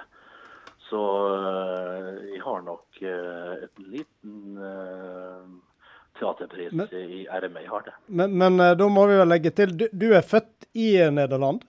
Jeg er født i Nederland, i Den Haag, i 1977 og flytta opp Kom med bananbåten til Norge i 2-3-82, tenker jeg. Ja. Ja, og faderen kom noen måneder etterpå der, ja. Så betyr det du hadde språket med deg der? Ja, hadde- ja. jeg hadde det. Men jeg hadde òg fikk litt uh, renska opp i språket når jeg var i Stockholm. For da gikk jeg, tok jeg hollandsk grunnkurs. Som ikke var Jeg var vel ikke på samtlige forelesninger, det kan vel ærlig innrømme. Men det var jo nok til at jeg fikk friskere opp litt. Og så har jeg jo prata litt med faderen hjemme, selv om det skulle vært enda mer. eh. Jo, men eh, jeg kunne godt tenke meg at vi tok mer tak i det faktisk. eh, hjemme. For min mor snakker jo fremdeles flytende hollandsk. Jeg er ikke helt der, og det kunne jeg tenke meg at vi var bedre i. For det hadde vært litt stas å vært femspråklig, ikke bare firespråklig, da. Sånn beskjedent. Ja. ja, ikke sant. Men eh, drama ellers, har du nok eh, forhold til det, eller var det en sånn engangs... Eh, Nei, jeg er glad i teater. Eh, Det har jeg alltid vært. Og han kompisen min var jo teatersjef i Molde og ble kjent med han på teateret der. Så jeg gikk en god del med Arild Stavrum. Han òg er jo eh, glad i, i, i teater. Så vi, vi, vi vanka der, både med skådisene og litt sånn forskjellig. Vi hang litt på huset der. Eh, ikke vært så mye av de siste åra, det, det skal jeg ærlig innrømme. Selv om tilbudet her i Oslo er jo enormt. så men det, det er noe jeg, jeg setter, sett setter pris på en god forestilling. Det er det absolutt. Men du er jo eh, du er òg en habil trommeslager, går det over? Ja da. Ja da. Eh, onde tunger vil jo si at jeg ikke er så habil, men sjøl så vil jeg si at jeg, jeg, jeg kan jo spille fire flate i hvert fall. Og har en klar, som klarer å holde ei brukbar takt. Så det kommer faktisk nå, ettersom du er inne på det, så kommer det ei låt nå. Der er Jamel Rake med. Eh, Nei, det er det Nation, Nations. League-kamp? Ja, ja, jeg har hørt om den. Den, den kommer, og det er litt av en røver der, altså. Så den er litt tyngre enn den sommerhiten jeg hadde for uh, ett og et halvt år siden, eller to år siden. Eller var det i fjor? Det var vel i fjor, kanskje. Den òg var jo sterk. Ja da, den var ikke så dum. Men det her blir jo skikkelig rock'n'roll. Så det her, blir, det her kan bli festlig. Det, kan vi spørre om eh, hva han eh, Jamel bidrar med der? Der er det, er Det det er godt humør, stort sett. Så setter på kaffe når vi ber han om det. Det er en vi kan eh, slå i fjeset når det ikke går helt, eh, helt etter planen. Og så er han litt på kassegitar. Han er på kassegitar, faktisk. ja, Så du han- hører han ikke. Han er fullstendig overdøvet av både Ja. alt av elektriske gitarer. Så du, du hører han i grunnen ikke. han er unplugged. Han er unplugged, ja. Men du, i, i forhold til han eh, Jamel Rake, så har jo dere hatt et uh, samarbeid i mange mange år nå. Ganske, Ja. ganske så tett. Hvor, hvordan kom det i stand, egentlig? Nei, det var Jamel som hooka tak i meg. Nå husker jeg så dårlig på å huske akkurat sånne ting. Uh, men eh, det var vel formelt som hooka tak i meg for en eh, Jeg var vel litt inne i Det begynner å nærme seg sju-åtte år siden det at jeg var mer som en gjest. Og så ble det mer og mer. Og så til slutt så fant vi ut at herregud, vi får bare prøve å gjøre det permanent, da. Og så ble det jo det. Så jeg kan jo takke formelt egentlig for eh, for at jeg kom inn i, i VG der, at vi holder på enda. Han har jo Ja, han, eh, det er vel ikke hver, hver sending han er like happy med når jeg kommer spridende inn der, men han holder jo ut med meg. Så vi får jo håpe at han holder ut litt til. Men det er, jo en, det er jo både et program og en podkast, dette her, med ganske Ja. så mange lyttere. Så Ja, det, det er ikke noen grunn til å legge det på hylla sånn helt med det første? Nei da, eh, det, vi, vi får nå se. Det, det er artig så lenge vi får holde på. Og så får vi nå se hvor, hvor lenge det blir. Men uh, foreløpig så er jo det så, så går det godt, det. Og det er morsomt. Og så er det jo et mesterskap som skulle vært her nå. vet du. Det var jo store planer for det mesterskapet vi skulle ha her. Du skulle ha turer både hit og dit, og vi skulle ha en enorm stand nede på, i sentrum i forbindelse med sluttspillet her. Men det får vi ta til neste år eventuelt. Og så begynner vi jo sakte, men sikkert med livesendingene våre på VG. Så vi har jo en sending nå på lørdag allerede når eh, Braut Haaland eh, spiller mot Schalke. For tomme tribuner på Vestfalen, så da durer vi i gang på VG Live. I og to andre kolleger. Jamel får vel fri nå, han har vært ute på, bobiltur. Så da begynner vi med livesendingene våre. Så da er vi i gang igjen. Får litt følelsen av fotball igjen. Det, det trenger vi. Ja. Men du, eh, du er jo en kar som har spilt fotball på høyt nivå, og er jo lidenskapelig opptatt av fotball sånn generelt. Eh, og så har jeg hørt at du ikke har noe favorittlag i det hele tatt. Stemmer det? Ja, det stemmer. Det er vel en sannhet med Ja, det, det, ja ikke England, men med en gang du ikke har et eh, favorittlag i England, så vil det si at du ikke har et favorittlag her til lands. Men det stemmer jo ikke. Jeg hadde jo, jeg var jo vanvittig Jeg var jo fanatisk tilhenger av AC Milan i min, eh, i min barndom og ungdom. Det kom jo med gull i Reykjavik og van Basten i 87 da de tok EM-tittelen mm. i, i Tyskland. Eh, Vest, ja, i Tyskland, ja. Vest-Tyskland. Og, og eh, når de samtlige, alle tre, spilte i, i Milano der, så, og de spilte mot Inter, da, som hadde Klinsmann, Bremer og Matheus. Tre fritzere på Inter og tre hollendere i Milan. Det var jo Eh, Det var jo skikkelige dueller der. Så jeg hadde Milan lenge. Og Pippo Insagi hadde jeg også holdt i høyt i perioden han spilte i Milan eh, langt ut på 00-tallet. Så jeg, hadde, jeg følte Milan. De følger dem litt enda, men eh, av naturlige årsaker så er det ikke like spennende å følge dem nå, da.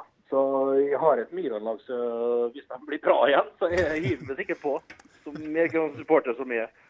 Men eh, når du, var, eh, når du var noe yngre, så var det vel sånn at de fleste i kompisflokken hadde et favorittlag i England, sånn som alle andre plasser? Jo, men jeg kom med, jeg hadde, jeg hadde konstant Jeg fikk tilsendt VHS-kassetter fra Holland av min onkel Gerhard med bilder fra eh, Altså med kamper fra æresdivisjonen, med kamper fra Italia. Jeg fikk, jeg fikk helt annen input. Jeg så jo selvfølgelig tippekampen, men jeg var jo litt kontrær da når andre skulle liksom eh, ha United og, og, og Leeds og, og så laga der, så, så, så holdt de med til, eh, til eh, Ajax, PSV, Feyenoord, og så kom Milan inn etter hvert der, da. Så jeg heiv ikke på den bølgen. Og jeg, var, jeg husker 92 var det da United møtte Barcelona. Eh, Jeg husker da var det noe durabel kamp. Da gikk jeg jo på, nei, på ungdomsskolen. Jeg husker det òg var en fight, for jeg likte Barcelona litt òg, med Krauf og, og Romario etter hvert der. Og Julio Salinas og Bakero og den gjengen der. Så Milan og Barca var det litt. Det var pga. Av, av at det var hollandske spillere og trenere inne i bildet, da. Naturlig nok. Ja, en annen ting som jeg har fått Ja, nå eh, drar du bra langt her, du. Nå er, det, nå har vi holdt på nesten men greit, nå ligger hun nesten og sover her. Er er ikke, det- er ikke det det beste, da? Flott vi kan bidra ja, til at ungene sovner. bære og ta av klærne. Det, det, det, det, det er vel sånn det å være far i. Ja, sånn er det. likestilt, vet du. Men gjør alt. Nei da, jeg bare tuller.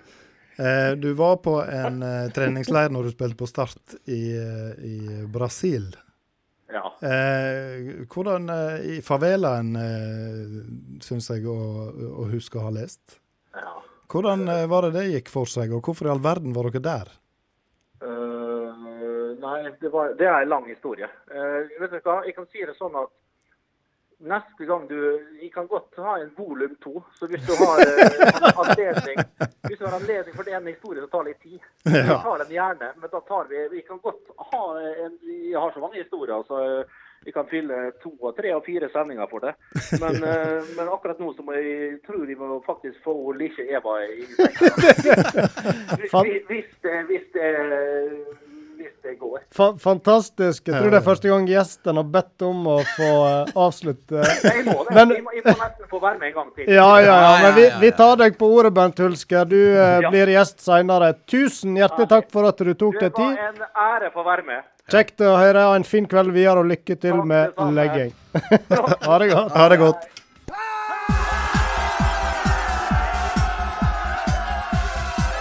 Vi presenterer kveldens blodfan. Ja, kveldens blodfan han har vi lykkes å finne gjennom undertegna si nitidige lytting på diverse podkaster. I en av dem da kom det fram at eh, programleder og komiker Erik Solbakken han er Aston Villa-fan. Så da heiv vi oss rundt der og fikk med deg, Erik. God kveld. God kveld, god kveld.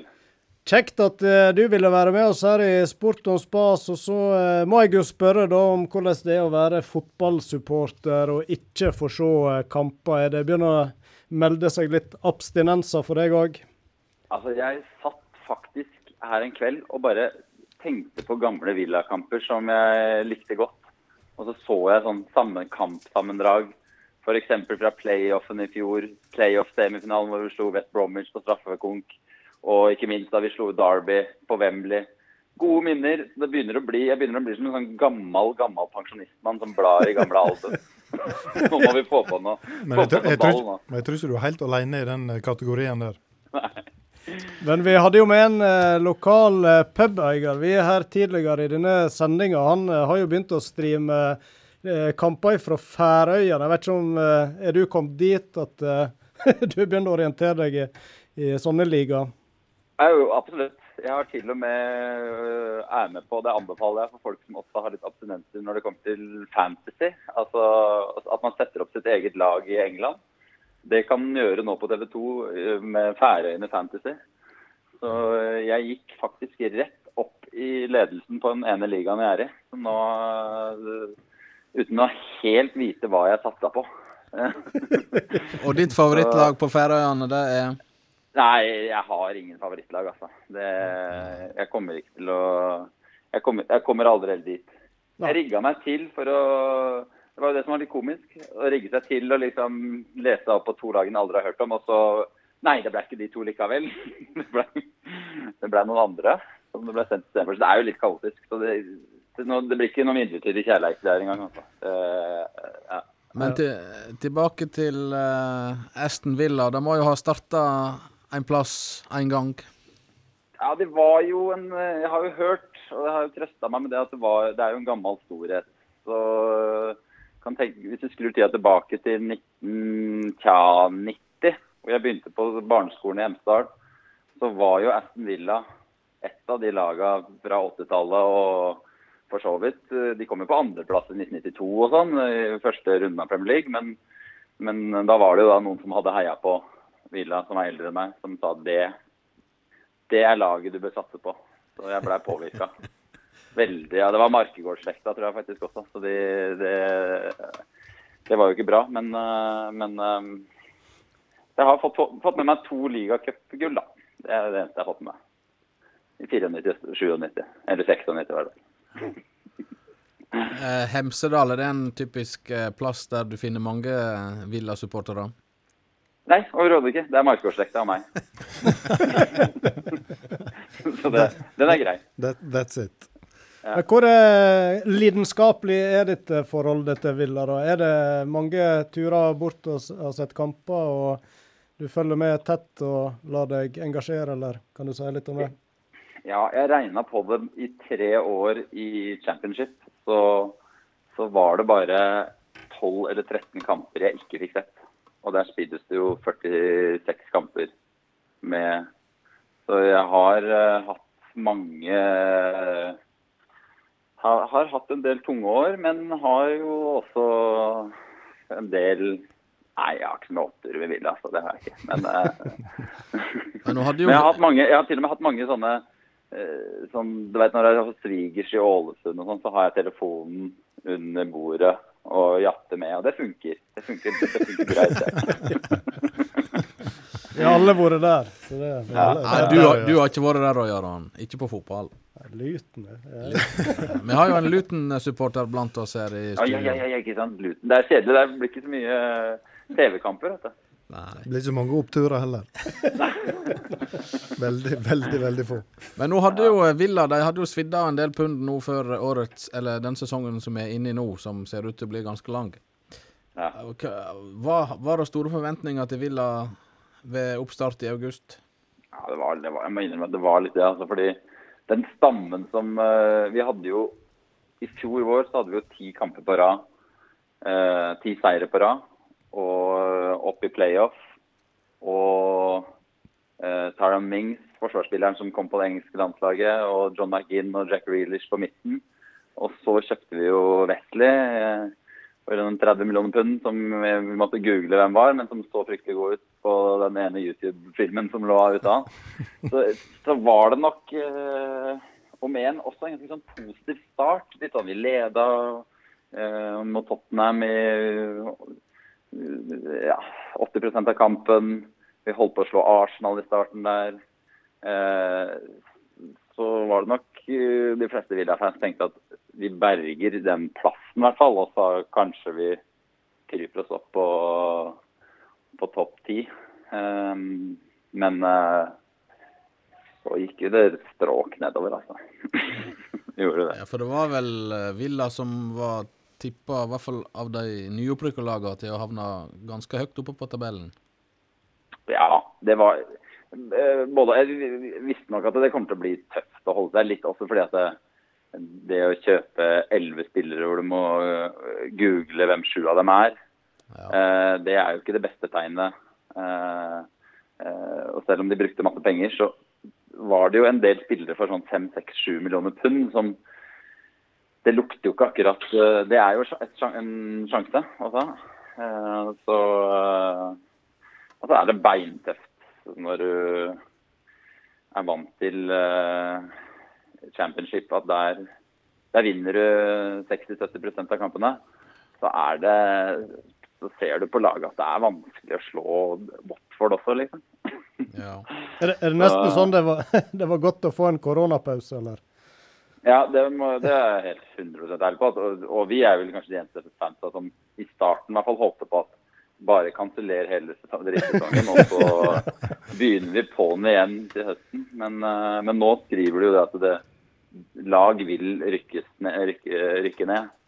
Så nå, eh, og med Villa da, som ligger på 19.-plass, selv om det er én kamp mindre spilt, så, så nå håper vi vi får spilt litt ball igjen, sånn at vi får berga plassen. Her sitter jo to eh, Liverpool-supportere i studio òg, så vi er jo ikke sånn særlig interessert i at eh, sesongen skal nulles ut. Nei, men jeg må innrømme at jeg føler jo litt, bitte litt akkurat med dere, da. Fordi eh, det er jo på en måte litt av Det kommer til å bli en del sanger til neste år fra de 19 andre laga som er sånn Dere vant en sesong som vi andre ikke regner helt med som en vanlig sesong. Så det, er- det, det, det er litt seigt akkurat det der. altså. Men, eh, nei, nei. Men vi må litt eh, tilbake, Erik. Eh, Det har jo vært litt eh, nordmenn eh, i Villa, og det har vel vært med og at du har fulgt ekstra godt med? Ja, altså Det var jo en rein bonus, fordi Villa var jo det var jo ikke snakk om Det var jo veldig sånn erkebritisk eh, lag med, med både liksom Dog Ellish eh, som eh, gode, gode, gamle legendariske eierne av klubben og sånne ting. Men plutselig så bare poppa det inn og Øyvind Leonardsen og Eirik Bakke, og det var ikke måte på. Ronny Johnsen smatt innom. Og, eh, og så fikk vi jo krona vi det da med Jon Carew, som, som jo har legendestatus i klubben.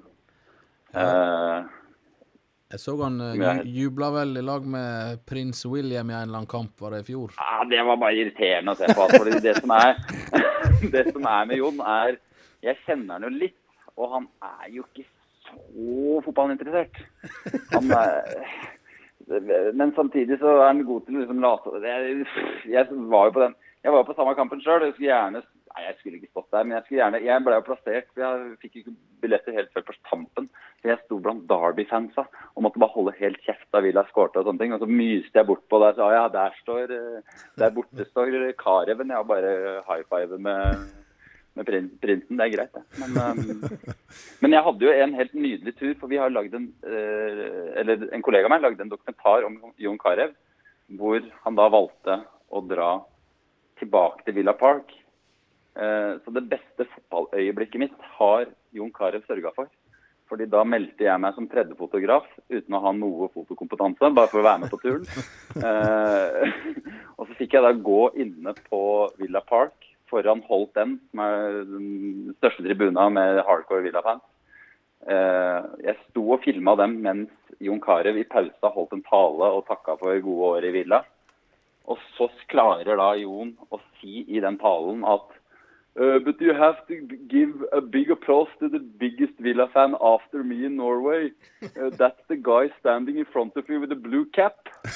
Og da plutselig så ser jeg liksom da 20 000 mennesker som ser på en fyr som fikler med et uh, kamera. Som vi, vi aldri fikk brukt noen steder, for det virra sånn.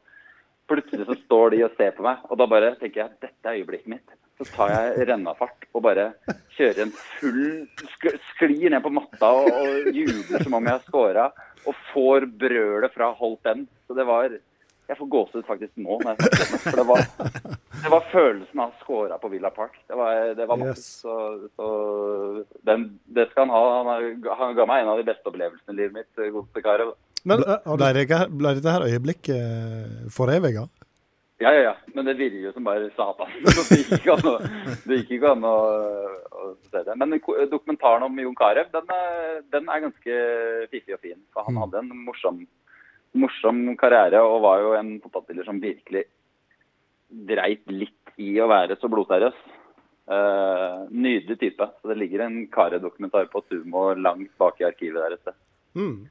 Har ikke du vært med å lage andre fotballdokumentarer òg? ja, nei, det, det skal jeg fortelle. Det er alltid morsomt å lage en dokumentar om en som ikke vil bli lagd dokumentar om. Takknemlig oppgave. Ja, det er veldig kjekt. det. Nei, vi prøvde å følge Solskjær. Eh, det var en god idé, eh, og det eh, fikk vi inntrykk av at Solskjær også syns. Men det var jo da han vant. Da vi begynte å filme, Fra vi begynte å filme, så vant han i Paris. Men derfra ut så var det bare tap. Så da ble det plutselig ikke så lystig lenger å ha en nordmann virrende rundt og eh, Thumbs up, Solskjær! Og det var ikke så gøy. Men, Men, eh, eh, i, i den TV-serien, der mener jeg jeg har sett deg med ei ManU-drakt, stemmer det? På deg? Ja, det stemmer. Men når du er inni eh, i Kenya, eh, i eh, Kuangware, eh, på en måte litt i the dark side av Nairobi, hvor det er ganske mange kriminelle, og du får en drakt eh, som, du, som du skal sitte på en, i en bar hvor du har livvakter, da sier du ikke nei til å ta på deg en drakt og begynne å surre med at du har en annen klubb. Da, da er det tomler opp. Det var drakt, drakta eller livet. Ja, det var Jeg tror til og med stryninger ville gjort det samme, altså, selv om dere er på Liverpool. Spørs det. Ja, det hadde sittet fryktelig langt inne, kjenner jeg, men eh, det er Nei, mulig. det er ikke der. Nei, ikke der altså. det er mulig. På en United-bar i, langt inn i bushen der, jo, du ville, du ville bare tenkt ja, jeg tar den på. Men jeg regner med det finnes en Esten Villa-klubb i Norge, er ikke det det? Jo, det gjør det. Og der, der, er det eh, 450 medlemmer. Og du er selvsagt medlem der. Ja, ja, ja. ja. Men når du reiser bortover til England, reiser du alene, eller reiser du i lag med andre supportere? Nei, jeg har jo Det pleier å være en årlig supportertur. Den har jeg aldri fått med meg. Men jeg har vært eh, på nok kamper. Selv om jeg merker at jeg har ikke det største Jeg syns det er artigere også å få med meg flere eh, Reise litt i, rundt om i Europa og se fotballkamper her og der. Det er ikke om å gjøre å kjøre hele veien til Birmingham, som er en av de styggeste byene å bli, bli skuffa. Eh, får alltid med meg en tur i året med en villakamp. Men har, hvis jeg skal få til en tur til, så er det alltid å få noen nye fotballopplevelser. Å være litt nøytral fan er deilig på en stadion. Så eh, Hva, hva, er det, hva er den beste opplevelsen du har hatt som, eh, som nøytral supporter? Nei, det var jo mors... Hva er det, da? Jeg var jo eh, Jeg har jo vært på noen Liverpool-kamper som var morsomme. I, i gullsesongen som glapp Mm. var det jo gøy å stå eh, Og det er jo den billetten jeg har betalt mest for òg. fordi da var det jo Folk var så hissige. Det var borte mot Westham på gamle Upton Park, hvor, hvor eh, Liverpool vant 2-1. Og da sto jeg ved siden av ei dame, det var så pakka. Uh, sto jeg ved siden av ei dame, som, gammel dame som kom inn med krykker, og alle liksom ga plass. Men når vi kom inn der, så bare kasta hun krykkene. Og så hadde hun, øl.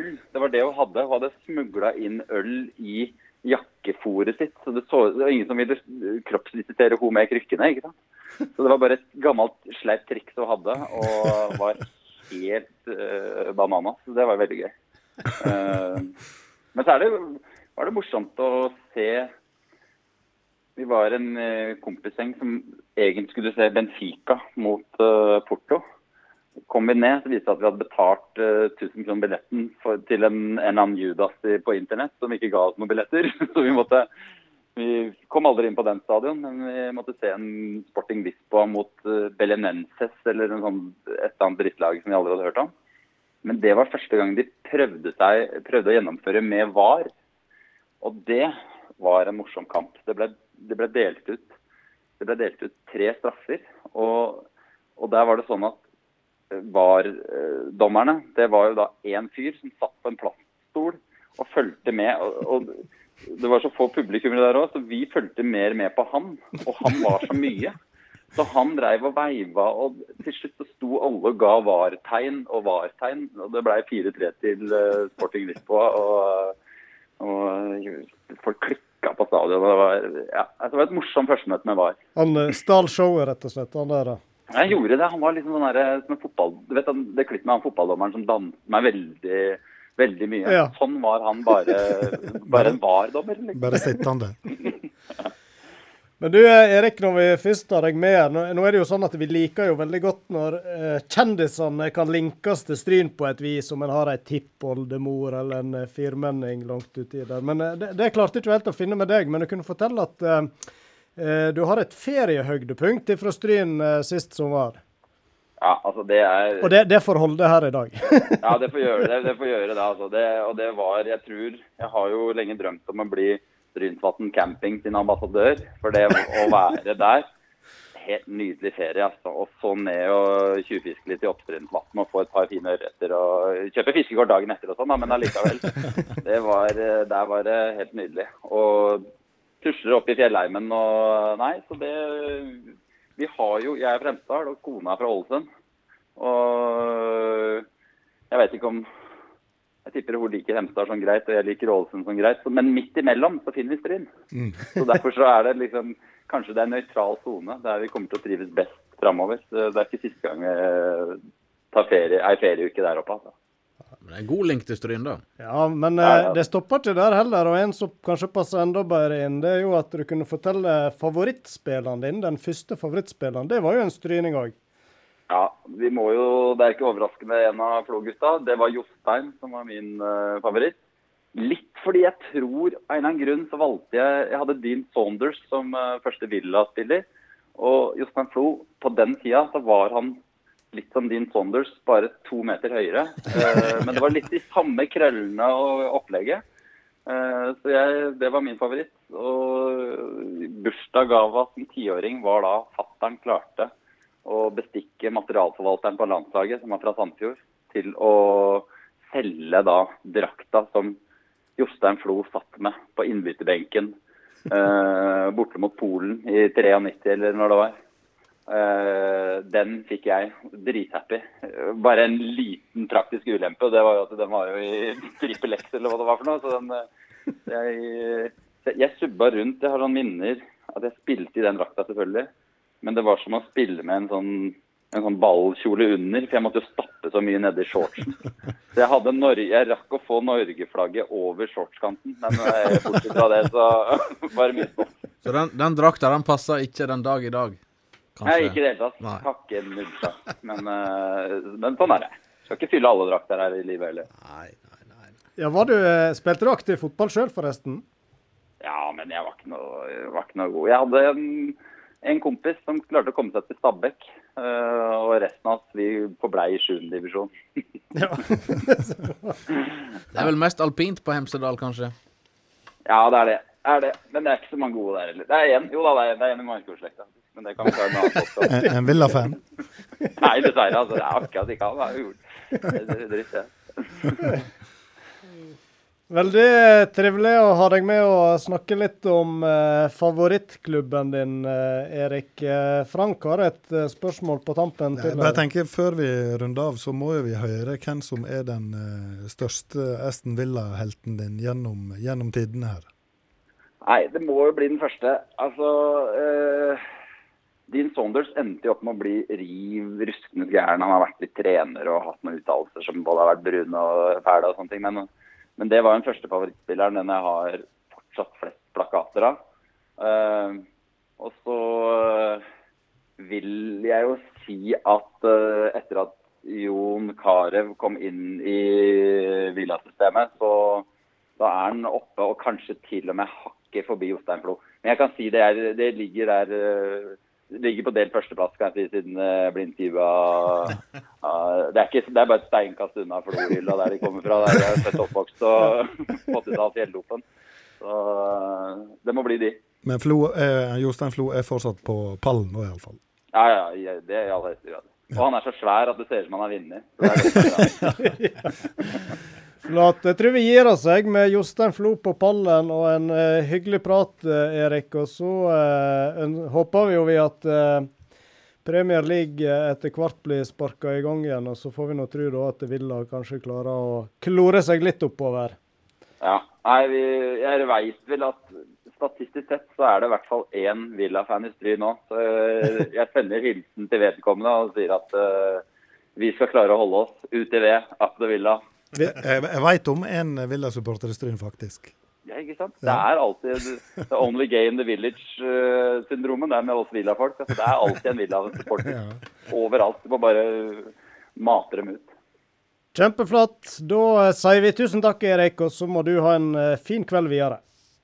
Takk i like måte. Ha det. Ha det bra. Ha det bra. Hei.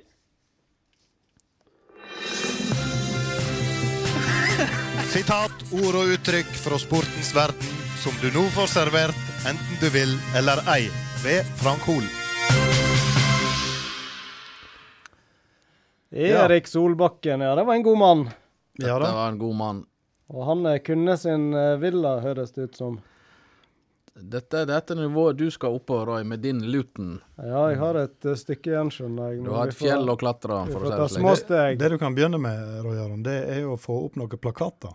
Sånn Ja. Altså han, eh, han eh, Erik snakker om her. eh. Godt tips. Så da må jeg begynne å kjøpe Boeing eller kortet, da. Jeg tviler på om det er Luton-spillere her, men det, Ja, de fins vel det en fins plass. alltid noe på Ja. internett, som de sier. Nei, nå må vi ha et ord her i denne kohorten. Ja, ehm, jeg kom over eh, Altså, jeg er i den heldige situasjonen å være medlem i ei eh, Facebook-gruppe eh, som tar for seg eh, mange lagbilder osv. i Hornindal. Ja, der er vel en Edvin Haugen en primus motor. Ja, og jeg mener det var han som òg la ut det jeg skal ta for meg nå. Altså, Der ble jo lagt ut lagbilder fra eh, krigens dager og framover omtrent. Yes. Eh, så det er jo litt artig å se. Eh, jeg er vel eh, De har fanga opp da du òg var aktiv, da altså. Ja, jeg var jo så heldig å spille på Håndalen, jeg tror det var i to sesonger. Ja. Um, så han, Edvin han la ut da et kampreferat som har stått på trykk i Fjordingen i 1947. Nå skal ikke jeg ta for meg egentlig et spesielt ord, men dette her var et eh, kort og konsist eh, kampreferat. eh, der det hadde da vært en kamp mellom Håndalen og Stryn sitt juniorlag. Eh, og jeg siterer. Hornindal og Stryn junior 4-2. Det er altså overskrifta. Så står det Hornindal og Stryn junior spiller lørdagskvelden en vennskapskamp på idrettsplassen i Stryn. Kampen enda 4-2 for Vitjarane. Guttene som Stryn stilte, synte seg å være for små mot de fra Hornindal. Og, og håndølene hadde såleis presset mest hele tida. Etter første runde Jeg legger merke til at journalisten bruker ordet 'runde' i stedet for 'omgang'. Etter første runde var Ståda 2-0. I den andre runda deler håndølene litt mer på måla og lager to for Stryn og to for seg sjølve. Eh, Det tolker jeg sånn at de har skåra to sjølmål, i og med at eh, eh, de har delt på måla. Til slutt står der Stryn laga ett mål sjølve, men dommeren annullerte dette for skuld i ein Nei, for skuld ein hands. Dette vart det seinare noko ordskifte om. Ordskifte, det er det rene kommunestyret. Det er klart Hvis det er full fyr og krangling og dritslenging på ei fotballbane, og journalisten skriver at det vart noe ordskifte, så ordlegger jo han seg ganske elegant. Veldig bra. Kanskje vi har litt å lære der, eh, Thomas. Ja. En litt mer nøktern ordbruk. De tok ikke for hardt i, i 47. Nei, det jo ble et Så, ordskifte mellom Meningsbryting.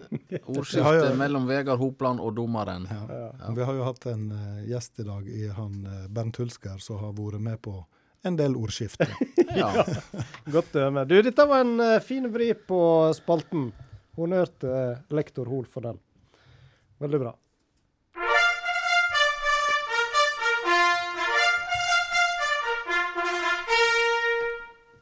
Er det konkurranse? konkurranse. Ja, da var det å huske forrige sendingsspørsmål, men det har vel du kontroll på, Thomas? Vi hadde jo eh, på tråden hun Linda Eide, vårt store førerbilete. Ja da. Og eh, hun kunne jo ut av det blå fortelle at hun hadde en favorittklubb eh, borte i England. Som Ja, hun ikke ble- vi var klar over. Ble kveldens blodfan i Hun ble plutselig kveldens blodfan. Ja. Og da stilte vi spørsmålet til våre lyere hvilket lag det var. Og det var Ja, Leicester. Det var Leicester, som hun sa. Leicester. Ja. Så eh, det var svaret, og vi har jo fått inn uh, svar. Og vi tar da fram vårt uh, påskeegg. Og det er min tur å trekke, og lappene de er godt sprita, ligger og skvulper Ja. opp i antibac. Eh, her er det så mye antibac at kanskje skrift vekker vekke. Jeg har skrevet med blokkbokstaver i dag, eh, Roy Aron. Det kan nå komme til hjelp. Vi har nå klart å tolke det før òg, så jeg tror det skal bra. Skal vi se. Lyd på radio. Det åpnes en lapp. Det åpnes. Ai, ai, ai. Der er en uh, gammel traver, iallfall når det gjelder innsendinga. Morten Breidablek. ja, ja, ja, Han er en trufast innsender, så det var kjekt. Gratulerer, Morten. Glimrende. Send oss eh, størrelsen du vil ha på T-skjorta. Send oss en melding, så skal vi sende det til deg. Kjempegreier. Yeah. Så er det jo uh, ny eh, spørsmålsrunde, da.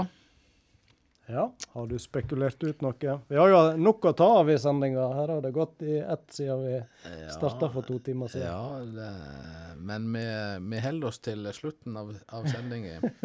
Husker best eh, sist. Ja. Ja. Nei, han eh, Vår venn Erik Solbakken. ja. Han Han er vår venn allerede, han. Han eh, snakket jo om at han hadde vært på en eh, campingplass her i området. Ja. Så jeg lurer på hva slags campingplass det var. Rett og slett. ja. Og da husker ikke han Frank, ser jeg. Så det, det var et godt spørsmål. Jeg eh, Ja, du vet tror det. kanskje jeg skulle klart det. Ja, du skulle klart det. Send oss en melding på Messenger. Det var muligheter for tjuvfisking, iallfall. Så Det var eh, det, det kan det det være et hint. Ja. Ellers så må vi jo minne om denne kolonialkorgen du, eh, Roy Aron. Det var jammen bra du sa, for vi har jo eh, gått friskt ut i lag med vår sponsor André Oppheim og Bunnpris, og lova kolonialkorg til eh, Som blir trukket ut blant alle som sender inn svar. Så da er ikke det bare eh, vinnerne av, i hver sending, men det er alle som bidrar med svar. De eh, putter vi opp i egget til slutt her. Og Ja da, og hvis du har svart, eh, la oss si fem ganger, da, så Ja. har du fem aksjer i eh, potten. Det var et viktig poeng, Ja. så her er det Må stå og løpe ut. Det er vel egentlig bare ei sending igjen før den siste der trekninga skjer, så det er jo ei sending til vi gjør det på, da, for å bli med i denne her stortrekninga av kolonialkorg. Og det var jo det store når vi for på basar i hine håredager, iallfall. Du Ja, det, det er jo verdens mest legendariske basarpremie, iallfall. Ja. Så at vi drar den inn i et radiostudio, det syns jeg er rimelig passende. Så eh, kolonialkorg fra Bunnpris Olden, det bør være motivasjon nok til å sende inn eh, svar. Og spørsmålet var altså hva campingplass var det Erik Solbakken og familien kosa seg på i fjor sommer? Så kan jeg gjenta det at uh, hvis uh, noen uh, vil tipse han Endre Bø om at det er ei kolonialkorg i premie her, så kommer han òg til å høre fast tru, eller tru fast på oss. Veldig bra. Da eh, hører vi en eh, kjent melodi, som eh, betyr at vi skal avrunde dagens sending. Eh, veldig trivelig. Vi sender selvfølgelig takk til de som har bidratt. Vi starta med en hyggelig prat med Jens Isehaug, før vi fikk eh, Ann-Kristin Grodås på besøk i studio. Fortsetter med friskussen Bernt Hulsker, og avslutter med sjølveste Erik Solbakken. Tusen takk til deg. Vi sier tusen takk til tekniker Ove André Årskog. Jeg heter Roy Hoel, og ved min venstre side Bjørn Jens Kristiansen. og ved min høyre side Wenche Myhre. Og vi sier tusen takk for oss, og vi høres. Ha det bra! Hei, hei. hei, hei, hei.